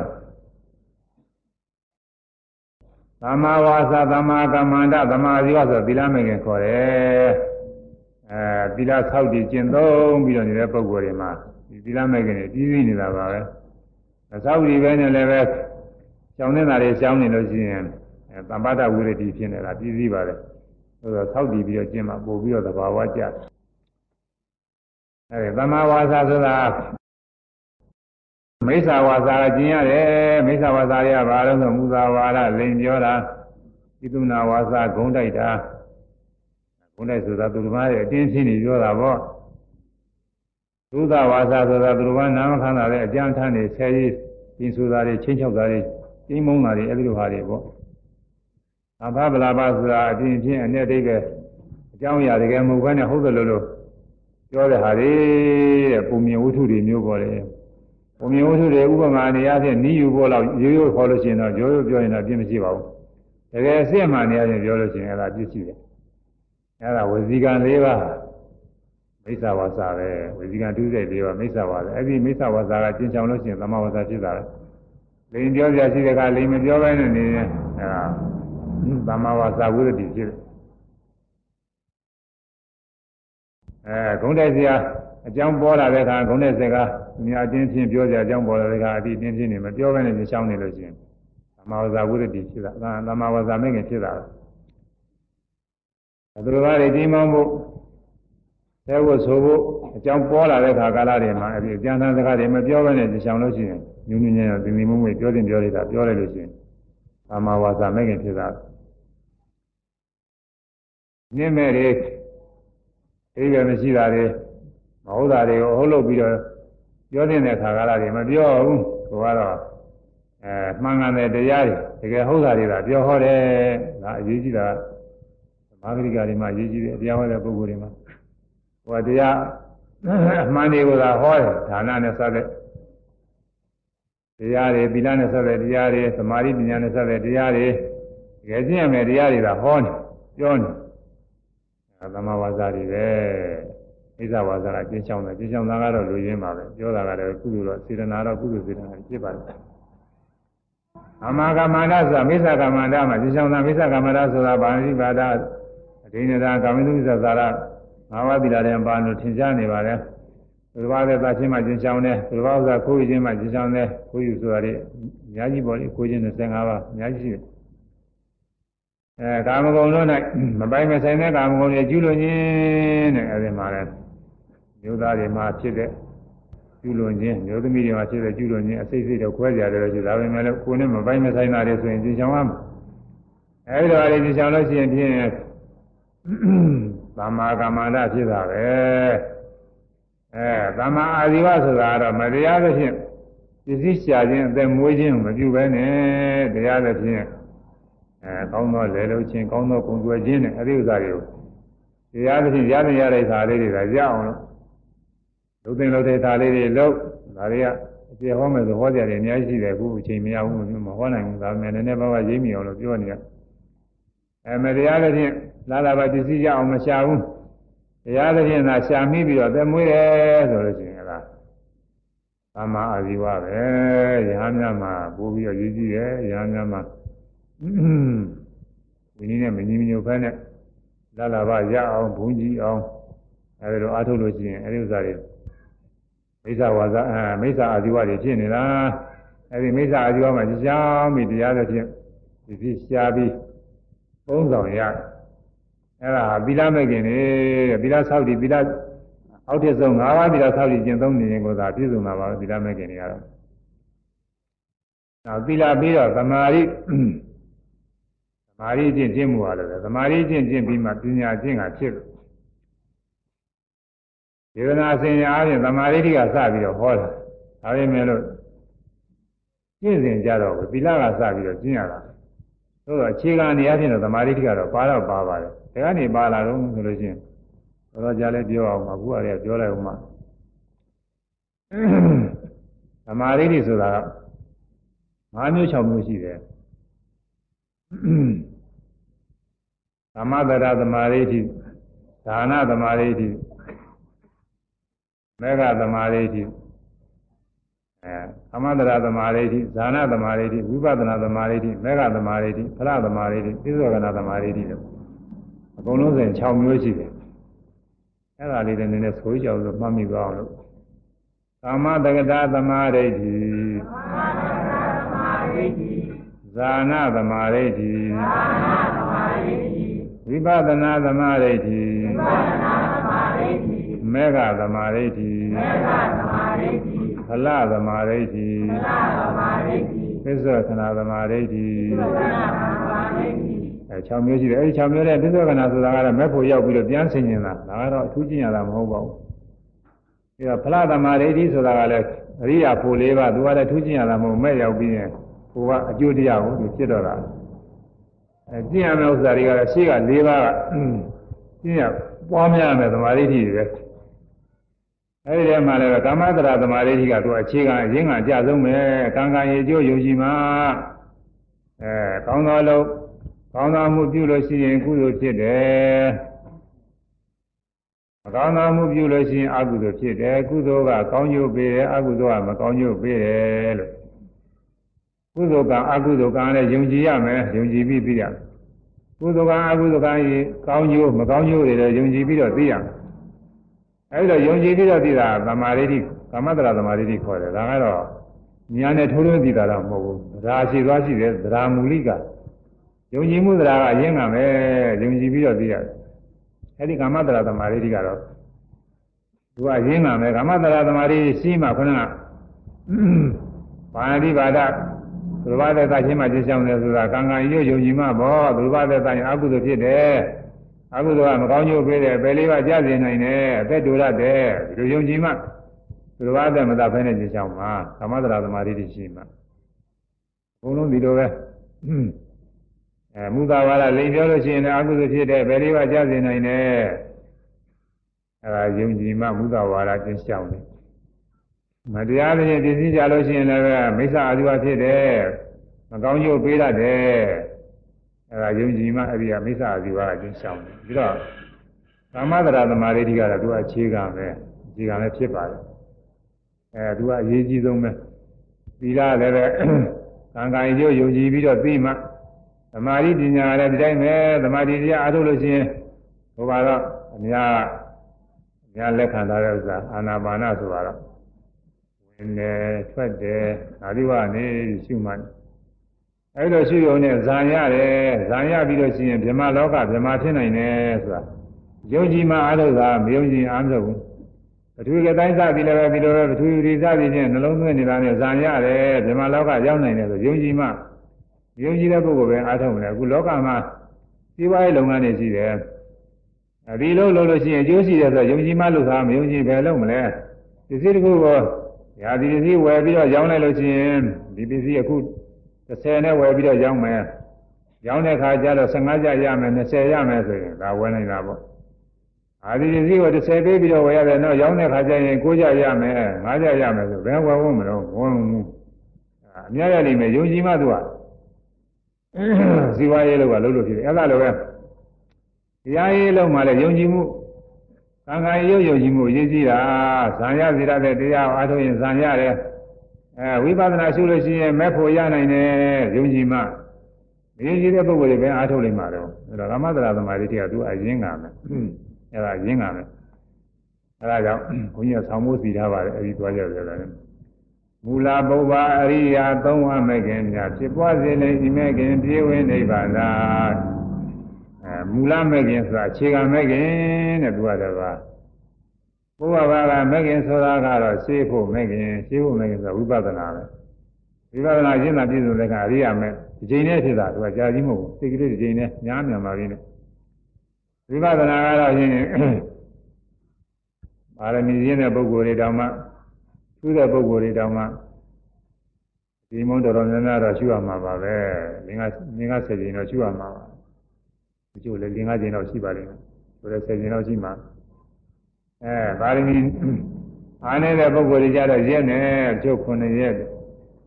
ကျို့လည်းပဲတစ်လနှစ်လသုံးလအာကျို့နှစ်နဲ့ချီပြီးတော့အထောက်အထားတွေလည်းရှိပါတယ်အဲ့ဒါပုဗ္ဗဘာကမဲ့ဝိပဿနာမဲ့ကဒီလိုအားထုတ်ရတယ်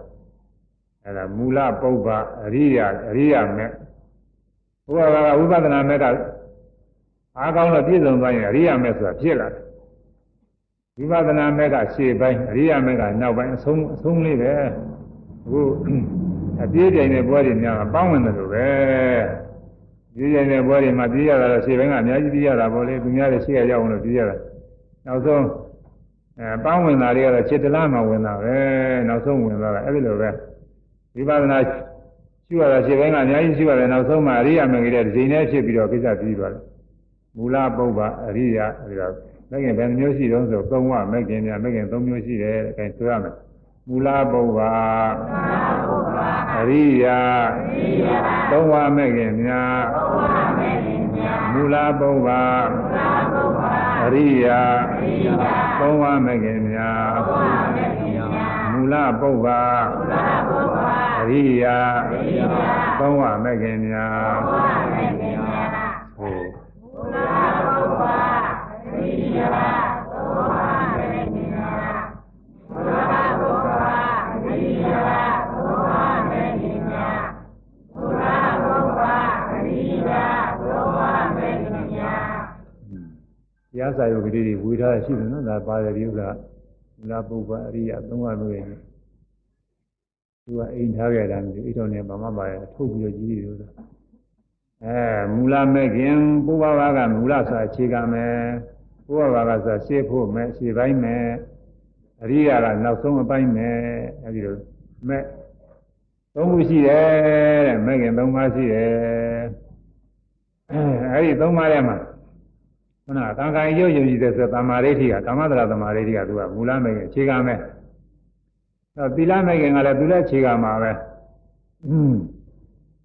သီလအခြေခံပြီးမှတရားထုတ်လို့ရသီလစင်ကြယ်မှအဲဒါမို့တရားထုတ်ခါနေသောသောကပြည့်စုံနေတဲ့ပုဂ္ဂိုလ်တွေတော့မလိုလားပါဘူးဒါပေမဲ့သီလသူစင်ကြယ်အောင်လို့ဆိုပြီးတော့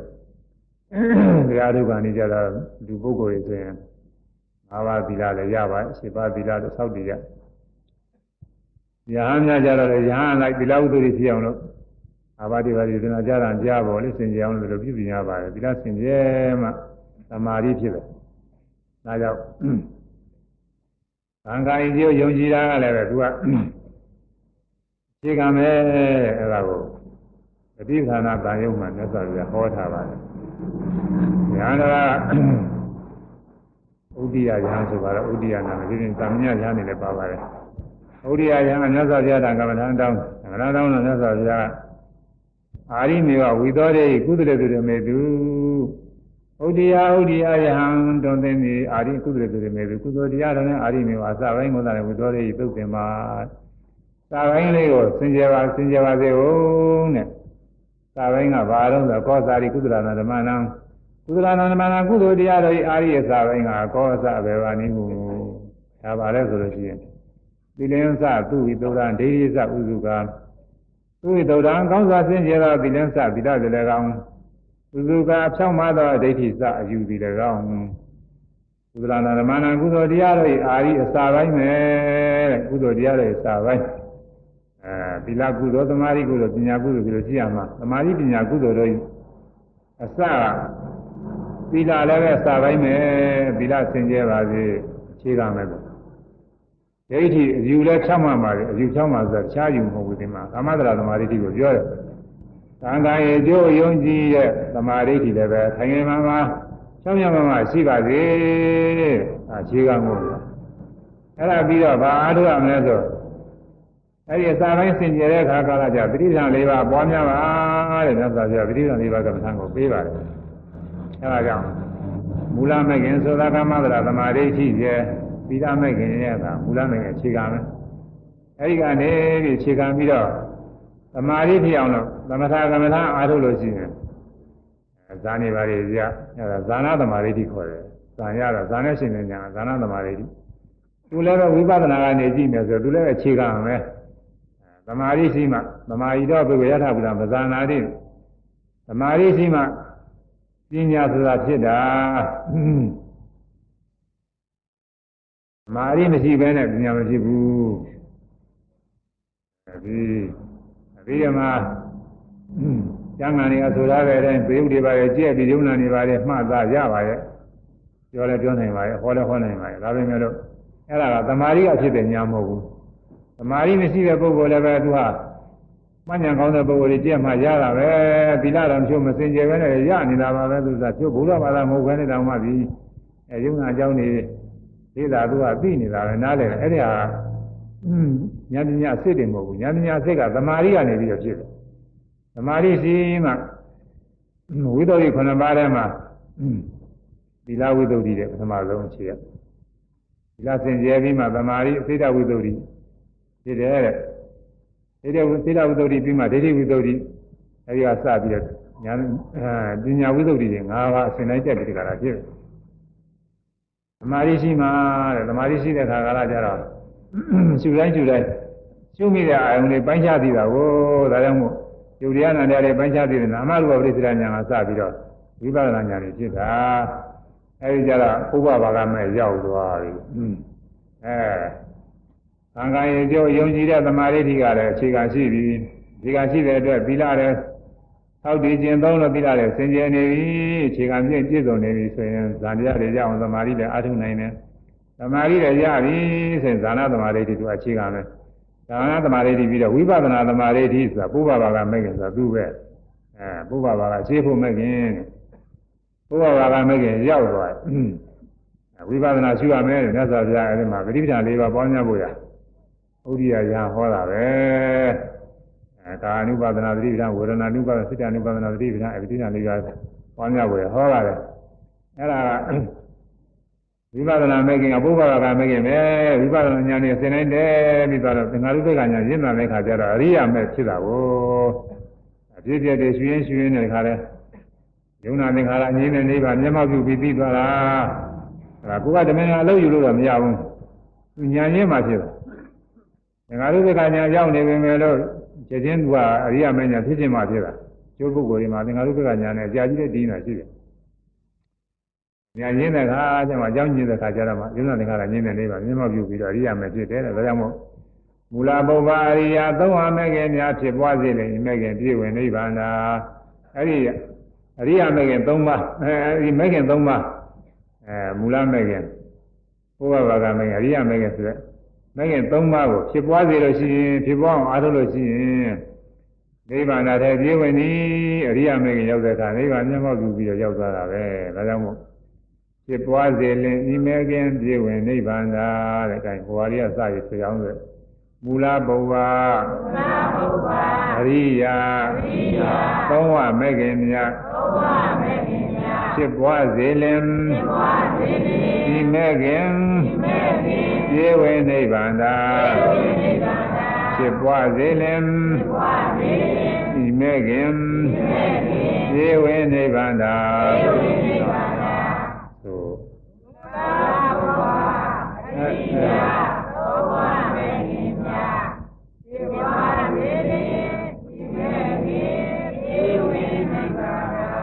သာကဲတော်တော်တော်တော့ကြာကြီးဖြစ်နေပါဘုန်းကြီးပေါ့အချိန်ကနည်းနည်းနည်းနေသွားပြီဒါရောကလေးရှိပါတယ်အဲ့ဒါလေးကြက်ထားလည်းမဖျက်ပါဘူးသာလွယ်လဲလွယ်တယ်မှန်လည်းမှတ်ပြီအဲ့ဒါသိနေပဲအဲဘုန်းကြီးတို့ဟောတာ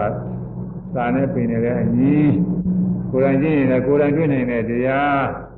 အာစာပေနဲ့အဲစာပေအာကုန်မျက်စိမိတ်ပြီးကျင်လာမဟုတ်ကိုယ်တိုင်တွေ့ရင်ကိုယ်ကိုယ်တိုင်ကျင့်လို့ရှိရင်ကိုယ်တိုင်ကိုတွေ့နိုင်တဲ့တရားတွေဟောပါတယ်အဲဒီတိုင်းအားထုတ်ရင်ဒီတိုင်းဖြစ်တာပဲ အဲသူပါလားညာကလည်းမြတ်စွာဘုရားပြတဲ့တဲ့အဲဒီမူလမဲ့ခင်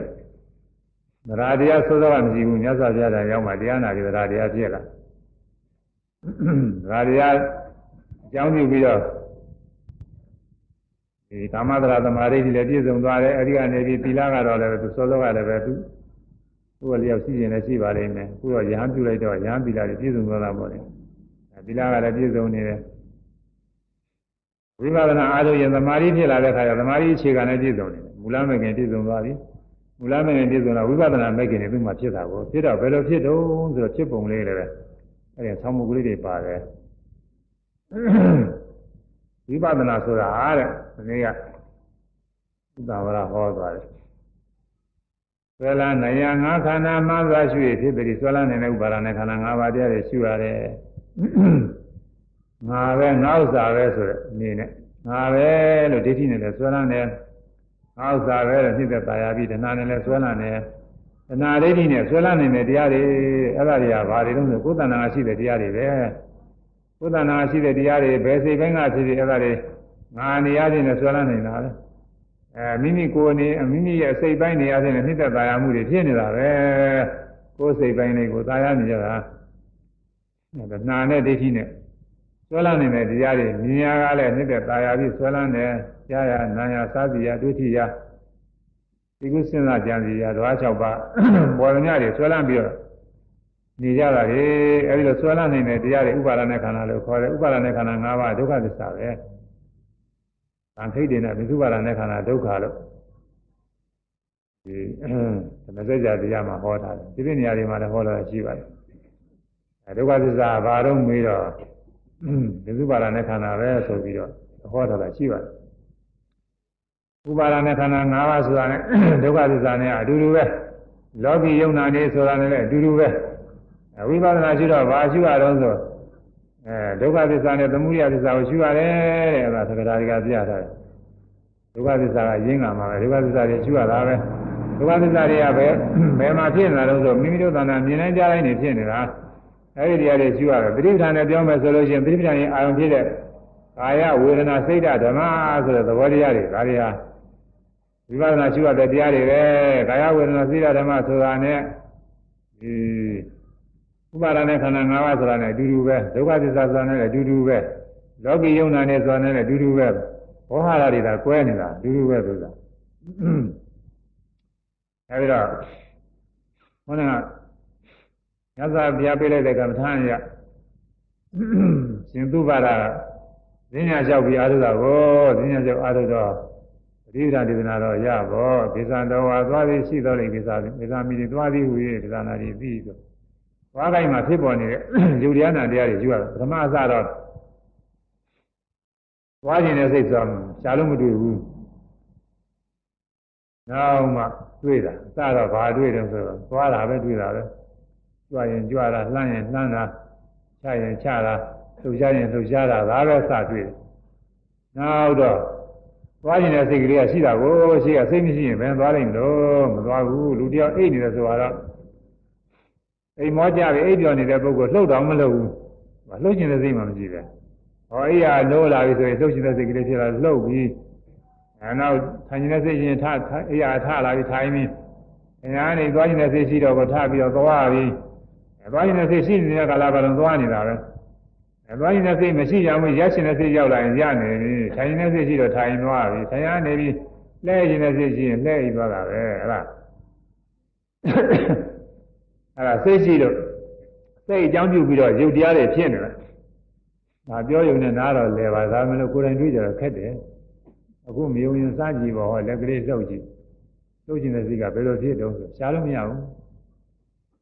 တရားထုတ်နေတဲ့ပုဂ္ဂိုလ်မှလည်းအဲ့ဒါတွေအကုန်လုံးရှားလို့ရတယ်အဲလှုပ်တာလေးသေးသေးလေးဖြစ်ဖြစ်မျက်စိကနေပြီးမျက်တောင်ခါတာမျက်လုံးဖွင့်တာမိတာကစပြီးတော့သူအကြောင်းလေးတွေနဲ့ပဲသူအကြောင်းလေးတွေနဲ့သူရိုးလေးတွေဖြစ်နေတာစိတ်ကြောင့်မို့ရုပ်တွေဖြစ်နေအဲ့ဒါတွေသိအောင်လို့တတိယနိယဝိပဿနာရှိရတာအခုအရှင်သုပါဒရှင်ကလည်းပဲဒီတိုင်းရှုနေတာပဲသွားတိုင်းသွားတိုင်းဟာအဲရှုနေတော့နောက်သွားခြင်းနဲ့စိတ်ကြောင့်သွားရုပ်ကလေးတွေဖြစ်နေတာ သွားရုပ်ကလေးတွေအစင်းစင်းဖြစ်လာတယ်အဲ့ဒါတွေကိုသိရတာအဲ့ဒါတွေသိအောင်ဟာဘယ်ခိုက်ရှုရတော့ဆိုဖြစ်ခိုက်ရှုရမယ်ဖြစ်ဆဲရှုရမယ်ဖြစ်ခိုက်ရှုမှသဘာဝမဟုတ်ချသိနိုင်ပြီယုံနာသဘောတရားတွေဆိုတာဖြစ်ပြီးအတိတ်လည်းရှိပါတယ်ဖြစ်တဲ့တအနာကလည်းရှိတယ်ဖြစ်ဆဲလည်းရှိတယ်သုံးမျိုးပေါ့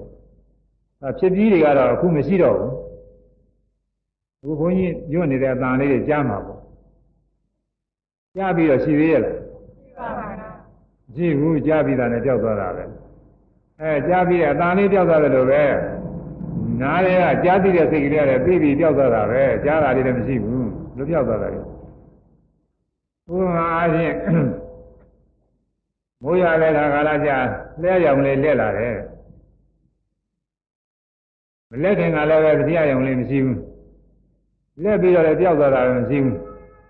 အဲ့ဒါဘယ်ချိန်ရှိတုန်းဆိုလက်ထိုက်ကလေးမှရှိတာအဲ့ဒါလိုပဲအဲ့ဒါလည်းဘယ်နဲ့ထင်ရှားပါလေဒီဥပမာလူတိုင်းလူတိုင်းဒါတွေ့နေတာလေတရားရောင်ဟာမလက်ခင်ကရှိသလားမရှိဘူးလားပြီးရင်ဘယ်နဲ့ပြောမလဲမရှိဘူးတရားရောင်ကလက်မှမလက်သေးပဲဟမ်မလက်ခင်ကမရှိသေးဘူးအဲမလက်ခင်ကဆိုတော့အနာကခေါ်တယ်နောင်မှလက်မှာဘူးမလက်သေးဘူးလက်ပြီးတော့ ရုံးနဲ့လက်ပြီးတော့ကြောက်သွားတယ်ကြောက်သွားတော့လည်းမရှိရဘူးမျိုးလားအဲတရားရောင်မြင်ရင်လို့ရှိရင်လက်နေတော့ကြည့်မိမှမြင်တယ်ဟိုကလည်းပဲကောင်းငင်မော့ပြီးတော့ကြည့်နေတဲ့ခါနဲ့တရားအောင်လည်းလက်နေတဲ့ခါနဲ့ဆိုရင်ဖြင့်တရားအောင်ကဘယ်လိုလက်တာပဲဆိုတာချင်းရတယ်အကုန်လုံးသိရတယ်အဲလက်ကပြောက်သွားပြီးမှဆိုတော့မသိတော့ဘူးမလက်ခင်ကလည်းဒီနာကဒီလိုလဲလိမ့်မယ်လို့ခံမှန်းလို့လည်းမမှန်ဘူး မှန်တိုင်းမဖြစ်ဘူးအဲဒါလိုပဲဒီလိုသာနာယုံနာတရားတွေအသုခိုက်တာနဲ့သူဖြစ်ပြီးတော့ပြည့်နေတာဖြစ်သေးလေးရှိတာမဖြစ်ခင်ကလည်းမရှိသေးဘူးမဖြစ်ခင်ကအနာကခေါ်တယ်နောက်မှဖြစ်မယ်ဖြစ်ပြီးတဲ့နောက်ကျတော့လည်းမရှိပြန်အောင်ပျောက်သွားပြီအခုရှင်းဘွားကယုံနာခန္ဓာတွေဆိုတော့အထင်ရှားဆုံးပြောတယ်ရှင်းဘွားကဘာတွေဖြစ်ခဲ့လဲဆိုတော့ရှိတဲ့ပုဂ္ဂိုလ်ရှားရှားပါပြီနဲ့မသိဘူးအဲ့ဒါတွေမရှိတော့ဘူး နောက်ဘဝကျရင်ဘာတွေဖြစ်မယ်ဆိုတာလည်းပဲမသိဘူးအဲဒီခုဘဝတင်တခါလိုက်ဆက်လိုက်လို့ရှိရင်ခုဘဝလည်းငယ်ငယ်တုန်းကဖြစ်ခဲ့တဲ့ချင်းရတယ်အခုပြန်စဉ်းစားရင်ကျုပ်မှတ်မိတာလေးပေါ်တာပေါ့လေမမှတ်မိတာတွေကမပေါ်တော့ပါဘူးအဲနေစဉ်ကသရခါမှာဖြစ်မဲ့ဥစ္စာတွေအခုစဉ်းစားကြည့်ရင်မပေါ်ဘူးပေါ်ပါမလားပေါ်ပါပါနေစဉ်ကမှာဖြစ်မဲ့ဥစ္စာပဲပေါ်လိမ့်မှာတော့ ဒီနေ့ကြားမှနေတဲ့ပုဂ္ဂိုလ်ကနေစဉ်ကကြားလဲကြားမှလိမ့်မယ်အောင်းမင်းနေအကြောင်းမင်းကြီးကနေစဉ်ကကြားနေမကောင်းဖြစ်တာပဲအချို့ဒီမသိလို့ရှိရင်ဖြင့်ဒီနေ့သက်ရှင်နေမယ်နေစဉ်ကကြားရှိရင်မှရှိတာသိချင်းပြီးသွားတာတို့က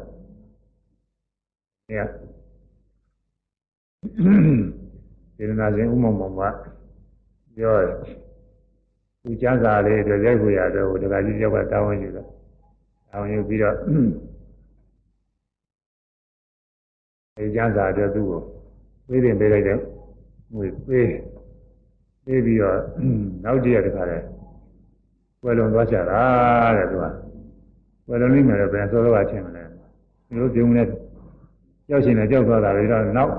နောက်ရက်တွေတော့ဘာဖြစ်လို့လဲညာဖြစ်လို့ခါမှန်းမှတ်မှုကအခုဖြစ်နေသေးတာကျုံကျုံနာနေရရှိတာအခုအတန်လေးတွေညွန့်နေညွန့်နေသေးမှအတန်လေးတွေထွက်တယ်အတန်လေးတွေကြားတယ်ကြားသိတာလေးလည်းပဲ ပြီးတော့ရှိတာပဲကခခဆိုလို့ရှိရင်ကဆိုတဲ့အတန်လေးကြားတာအဲဒီကြားတော့ရှိတာပဲကကြားတော့မရှိကခဆိုရင်မရှိတော့ခကြားတဲ့အတန်ကလည်းကဆိုရင်မရှိတော့သူခိုက်တာနေသူရှိတာပဲအဲဒါကြောင့်ဖြစ်ခိုက်ရှုမှတဲ့သူဖြစ်ခိုက်ကိုရှုမိမှယုံနာတရားတွေသဘောတဘာဝအမှန်တိုင်းသိနိုင်တယ်။ဒါဘုန်းကြီးကများနာတယ်အောင်လို့ဆောင်းမကလေးစီထားပါတယ်။ဖြစ်ခိုက်ရှုမှသဘာဝမုတ်ချသိနိုင်ပြီ။အဲဆိုရမယ်။ ဖြစ်ခိုက်ရှုမှသဘာဝမုတ်ချသိနိုင်ပြီ။အဲသွားဖြစ်ခိုက်ရှုမှသဘာဝမုတ်ချသိနိုင်ပြီသို့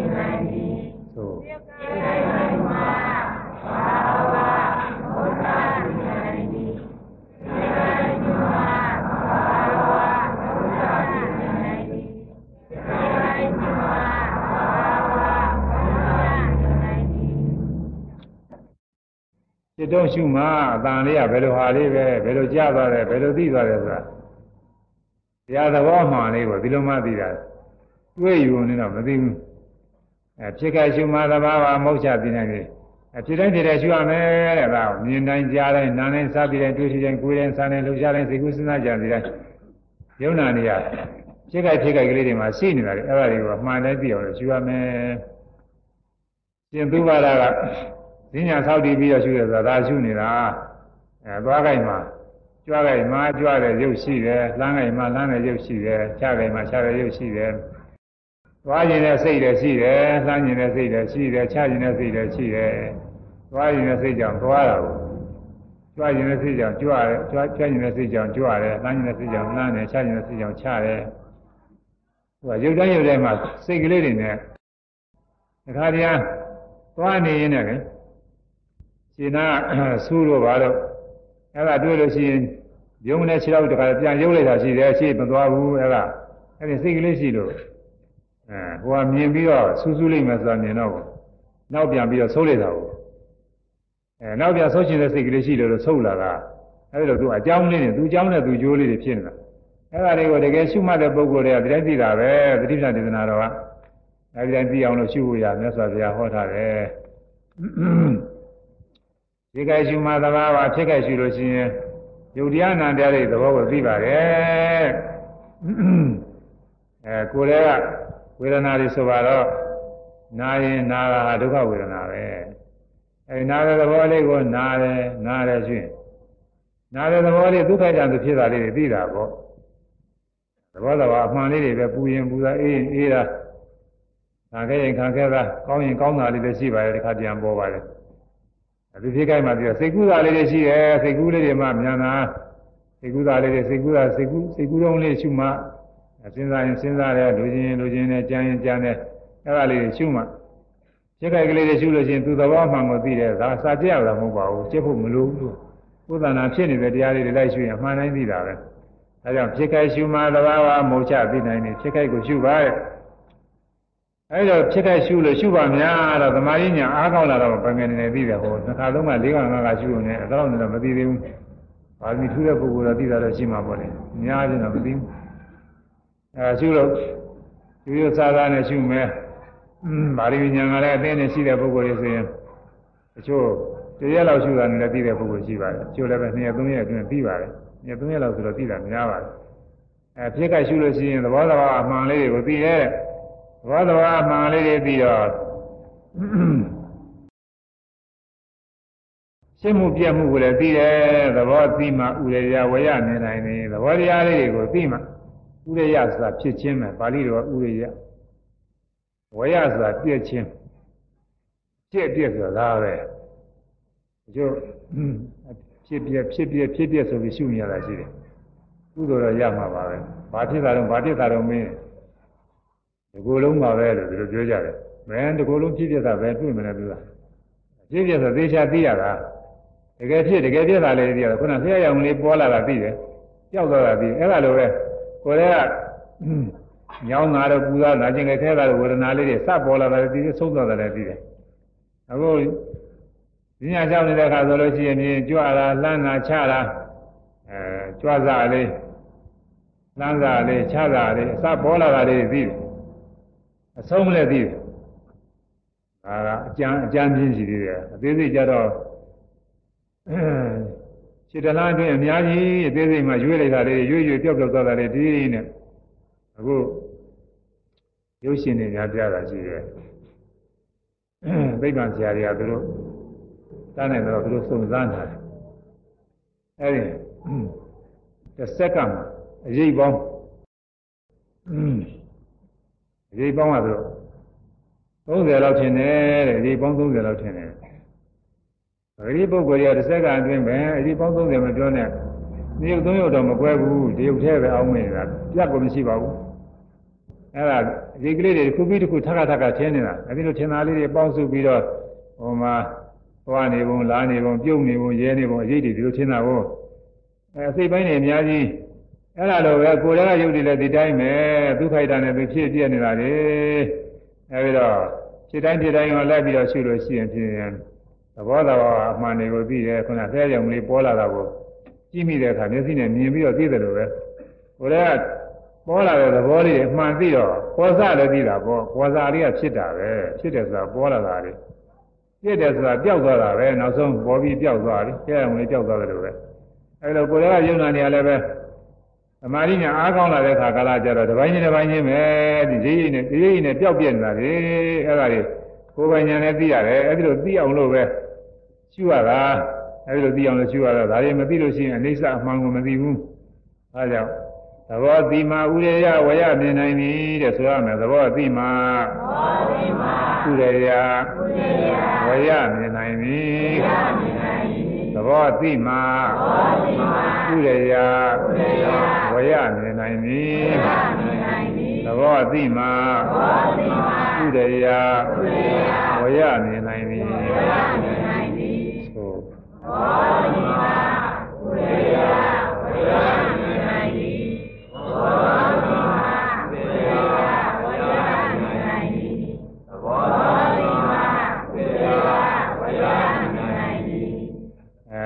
ထီကိုသိမှအထီကိုသိပြီးမှသူ့ရဲ့အချင်းအရာတွေသိတာသင်မမြင်မှုတဲ့ပုဂ္ဂိုလ်ကဆင်းရဲအချင်းအရာဘယ်သိမလို့အယုတ်ကြည့်တယ်ပဲအယုတ်သာသိတယ်ဆိုသင်ကိုတွေ့မှသင်ကြီးတွေ့လို့ရှိရင်ဟောစဉ်းစားပြီးတော့ဟာပဲဆိုတာအချင်းအရာတွေအကုန်လုံးသိရတယ်ကြားတယ်ပဲဒီတိုင်းပဲကြားမမြင်ဘူးရင်ကြားရဲ့အချင်းအရာပဲဘယ်သိမလဲအခုသိစ္စာမနဲ့သွားကြည့်ရင်တော့မြင်လို့ရှိရင်သာသိတာပဲအဲဒီမှာသိစ္စာနေစိုးလို့အကုန်လုံးသိတာ အဲကိုယ်လည်းယုံနာနေလည်းပဲတကယ်ဖြစ်ခိုက်ရှုမှဖြစ်ခိုက်မှရှိတာဖြစ်ပြီးတော့မရှိတော့ပျောက်သွားလို့ရှိရင်မရှိဘူးဖြစ်ခင်ကလည်းမရှိသေးဘူးဖြစ်နေတော့ရှုမှအဲဒါမို့ဖြစ်ခိုက်ရှုမှသဘာဝမုတ်ချသိနိုင်သည်သဘောတိမဥရယဝရမြင်နိုင်သည်အဲဖြစ်ခိုက်ရှုလို့ရှိရင်သဘောတရားလေးသိမယ်သဘောတရားလေးမှန်နိုင်ပြီးတော့သဘောတရားလေးအစပေါ်လာတယ်တွေ့တာပေါ့အဆုံးပြောက်သွားတယ်တွေ့တယ်သတိပုဂ္ဂိုလ်တွေအသိမျိုးမဟုတ်ဘူးရှုကသူတို့ကိုယ်တိုင်ကအာမထုတ်ဘူးတော့อืม သူတို့လိုပဲအောင်းမိနေတယ်ဘုန်းကြီးတို့တရားနဲ့တချို့ကကဲရကြတာရှိတယ်ဘယ်နဲ့ကဲရတုန်းဆိုရင်အဲသွားတယ်သွားတယ်မှဆရာကြီးနဲ့ကိုယ်ယုတ်ကာကြီးထင်မှာပေါ့တယ်တချို့ကပြောတယ်ဒါတမန်ပုဂ္ဂိုလ်မဟုတ်ဘူးသူတို့လည်းစာရီပါတွေဘုသူတော်ရှိတဲ့ပုဂ္ဂိုလ်ပါပဲဘာလို့လဲသူတို့ဒီလိုပြောလို့ဆိုသူတို့မသိလို့ပြောတာသူတို့မှတရားကောင်းကောင်းအားမထုတ်ဘူးတော့မသိဘူးမသိတော့အဲ့ဒီလိုပြောတာ အဲဒီကယောဂီတွေအဲဒီလိုကိုယ်ကကြီးပဲဟုတ်လိမ့်မှာတော့အစတော့သူတို့ပြောတယ်ဟုတ်ပါတယ်ဒါတော့ကြွတယ်တန်းတယ်ချတယ်ခြေောက်ကြီးနဲ့ကိုကြီးနဲ့ဒီလိုထင်တာပါပဲနောက်ဥရိယဘေရတော့ခင်ကတော့ခင်ကညာကြောင့်မှသာပြီးတော့ရှင်းတယ်ခင်ကညာဆိုပုံသဏ္ဍာန်ထေရမရှိဘူးခြေောက်တွေလက်တွေအကုန်လုံးကိုယ်တွေပြောက်ပြီးတော့ဒီခါတဲ့သဘောလေးတွေကြီးတယ်ပဲအဲရွေ့ရွေ့တာတွင်းရင်တွန်းတာအဲလှုပ်ရှားရင်လှုပ်ရှားတာသဘောလေးတွေသူ့ခိုက်တာနဲ့သူ ဒီရိပ်ရည်နဲ့ဖြစ်ပြနေတဲ့သဘောလေးကတွေ့ရတယ်ထိတယ်ထိတယ်ဆိုရင်တဏှာထိတာလေးမှထိတဲ့နေရာလေးကထိတဲ့သဘောလေးသာသိရတယ်ထိတာကလက်ပဲခြေပဲခေါင်းပဲကိုယ်ပဲပုံစံနဲ့တည်းတည်းဘာမှမပါဘူး။ဒါကဖောင်းတဲ့ပိန်နဲ့မှသာအစတော့ဘိုင်းပုံစံကကြီးနေပေါ့။သမာဓိညာရင်းလာတဲ့ခါကျအဲ့ဒါမဟုတ်တော့ဘူး။အဲတောင်းတဲ့သဘောတင်းတဲ့သဘောတွန်းကန်တဲ့သဘောလှူရှားတဲ့သဘောလေးတစ်စင်ပြီးတစ်စင်တစ်ခါလည်းဖြစ်ပြောက်ဖြစ်ပြောက်ဖြစ်ပြောက်အပိုင်းပိုင်းလေးတွေနဲ့ဒီလိုသိတာ အဲ့ဒါသဘောတိမဥရိယဝေယနေနိုင်တယ်ဖြစ်ပြက်ကိုမြင်တာတဲ့အဲဖြစ်ပြက်မြင်မှအနေစာဒိဋ္ဌသိနိုင်တယ်အဲ့ဒီဖြစ်ပြက်မြင်လို့ရှိရင်တော့အနေစာကိုကိုယ်တိုင်ဒိဋ္ဌတွေ့ရတယ်သူများပြောလို့မဟုတ်ဘူးစာထဲပါတွေကပြောလို့ဂျုံရတာမဟုတ်ဘူးအဲဖြစ်ပြမြင်မှအနေစာဒိဋ္ဌသိနိုင်ပြီဆိုရမယ်ဖြစ်ပြမြင်မှအနေစာဒိဋ္ဌသိနိုင်ပြီ ဖြစ်ပြမြင်မှအနေစာဒိဋ္ဌသိနိုင်ပြီဆိုဖြစ်ပြမြင်မှအနေစာဒိဋ္ဌသိနိုင်ပြီဖြစ်ပြမြင်မှအနေစာဒိဋ္ဌသိနိုင်ပြီဖြစ်ပြမြင်မှအနေစာဒိဋ္ဌသိနိုင်ပြီဒီနေ့တော့အဲဒါတော့ဝေးရမှာပါပဲအဲဒါတော့ဆိုလို့ရှိရင်တရားရှိဖို့မဟုတ်ဘူး တော့သဘောပေါက်သွားပါပြီအဲဒါချင်းကကြမှာကျမ်းမာတွေအကုန်လုံးပြည့်စုံဟောရမယ်ဟိုဘုံမျိုးလာနိုင်တော့ကြော်သွားတယ်နိုင်ခွဲနည်းနည်းရှိသွားပြီတရားလေးနည်းနည်းအားထုတ်ကြအောင်လေ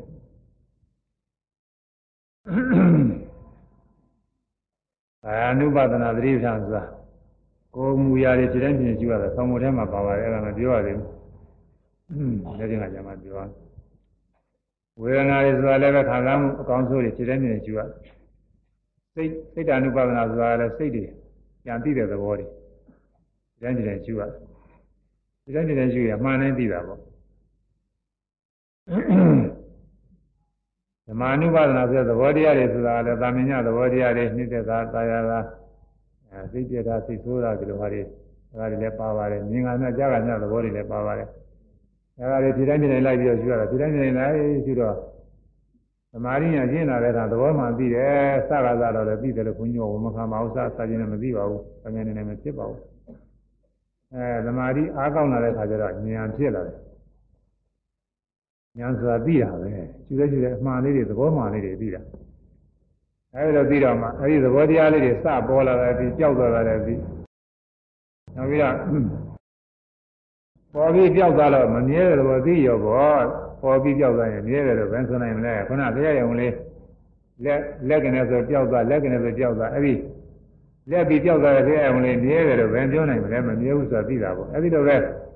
ကိုယ်တွေကယုံနာနေလည်းပဲဘယ်ဟာမှမြဲတည်နေတာမရှိဘူးမြင်နိုင်ကြတဲ့ဓဝါ၆ပါးကနာမစဲဖြစ်ပြနေတာအသေးသေးတွေဖြစ်နေတာဟိုမြေထဲချောင်းထဲများရေတွေစီးနေတာရှိတယ်။ သာမာကြည့်လို့ရှိရင်တော့ဒီရေတွေကအောက်မရတယ်ရေမျက်မျက်ကြည့်နေအောင်ပဲဘယ်ဟုတ်မလဲသူအသေးဟောင်းပြောင်းလဲတယ်။အဲ့ဒါမှရေစည်းချောင်းထဲမှာလက်ထီတွေခြေလေးတွေချကြည့်။အဲ့ဒီမှာရေလေးတွေတိုက်တယ်ဆိုတာတွေဒီချိန်တိုက်ပြီးတဲ့ကျနောက်တစ်ချိန်မတိုက်ဘူး။သွားပြီ။နောက်ထပ်တိုက်တာတွေအသေးသေးကြီးတွေပဲအဟောင်းမရှိဘူးအဲဒါလည်းကိုယ်ရဲ့ယုံနာနေရလဲအသေးသေးကြီးတွေပဲအဲကြောင့် ဒီကယူရမယ်တဲ့အခု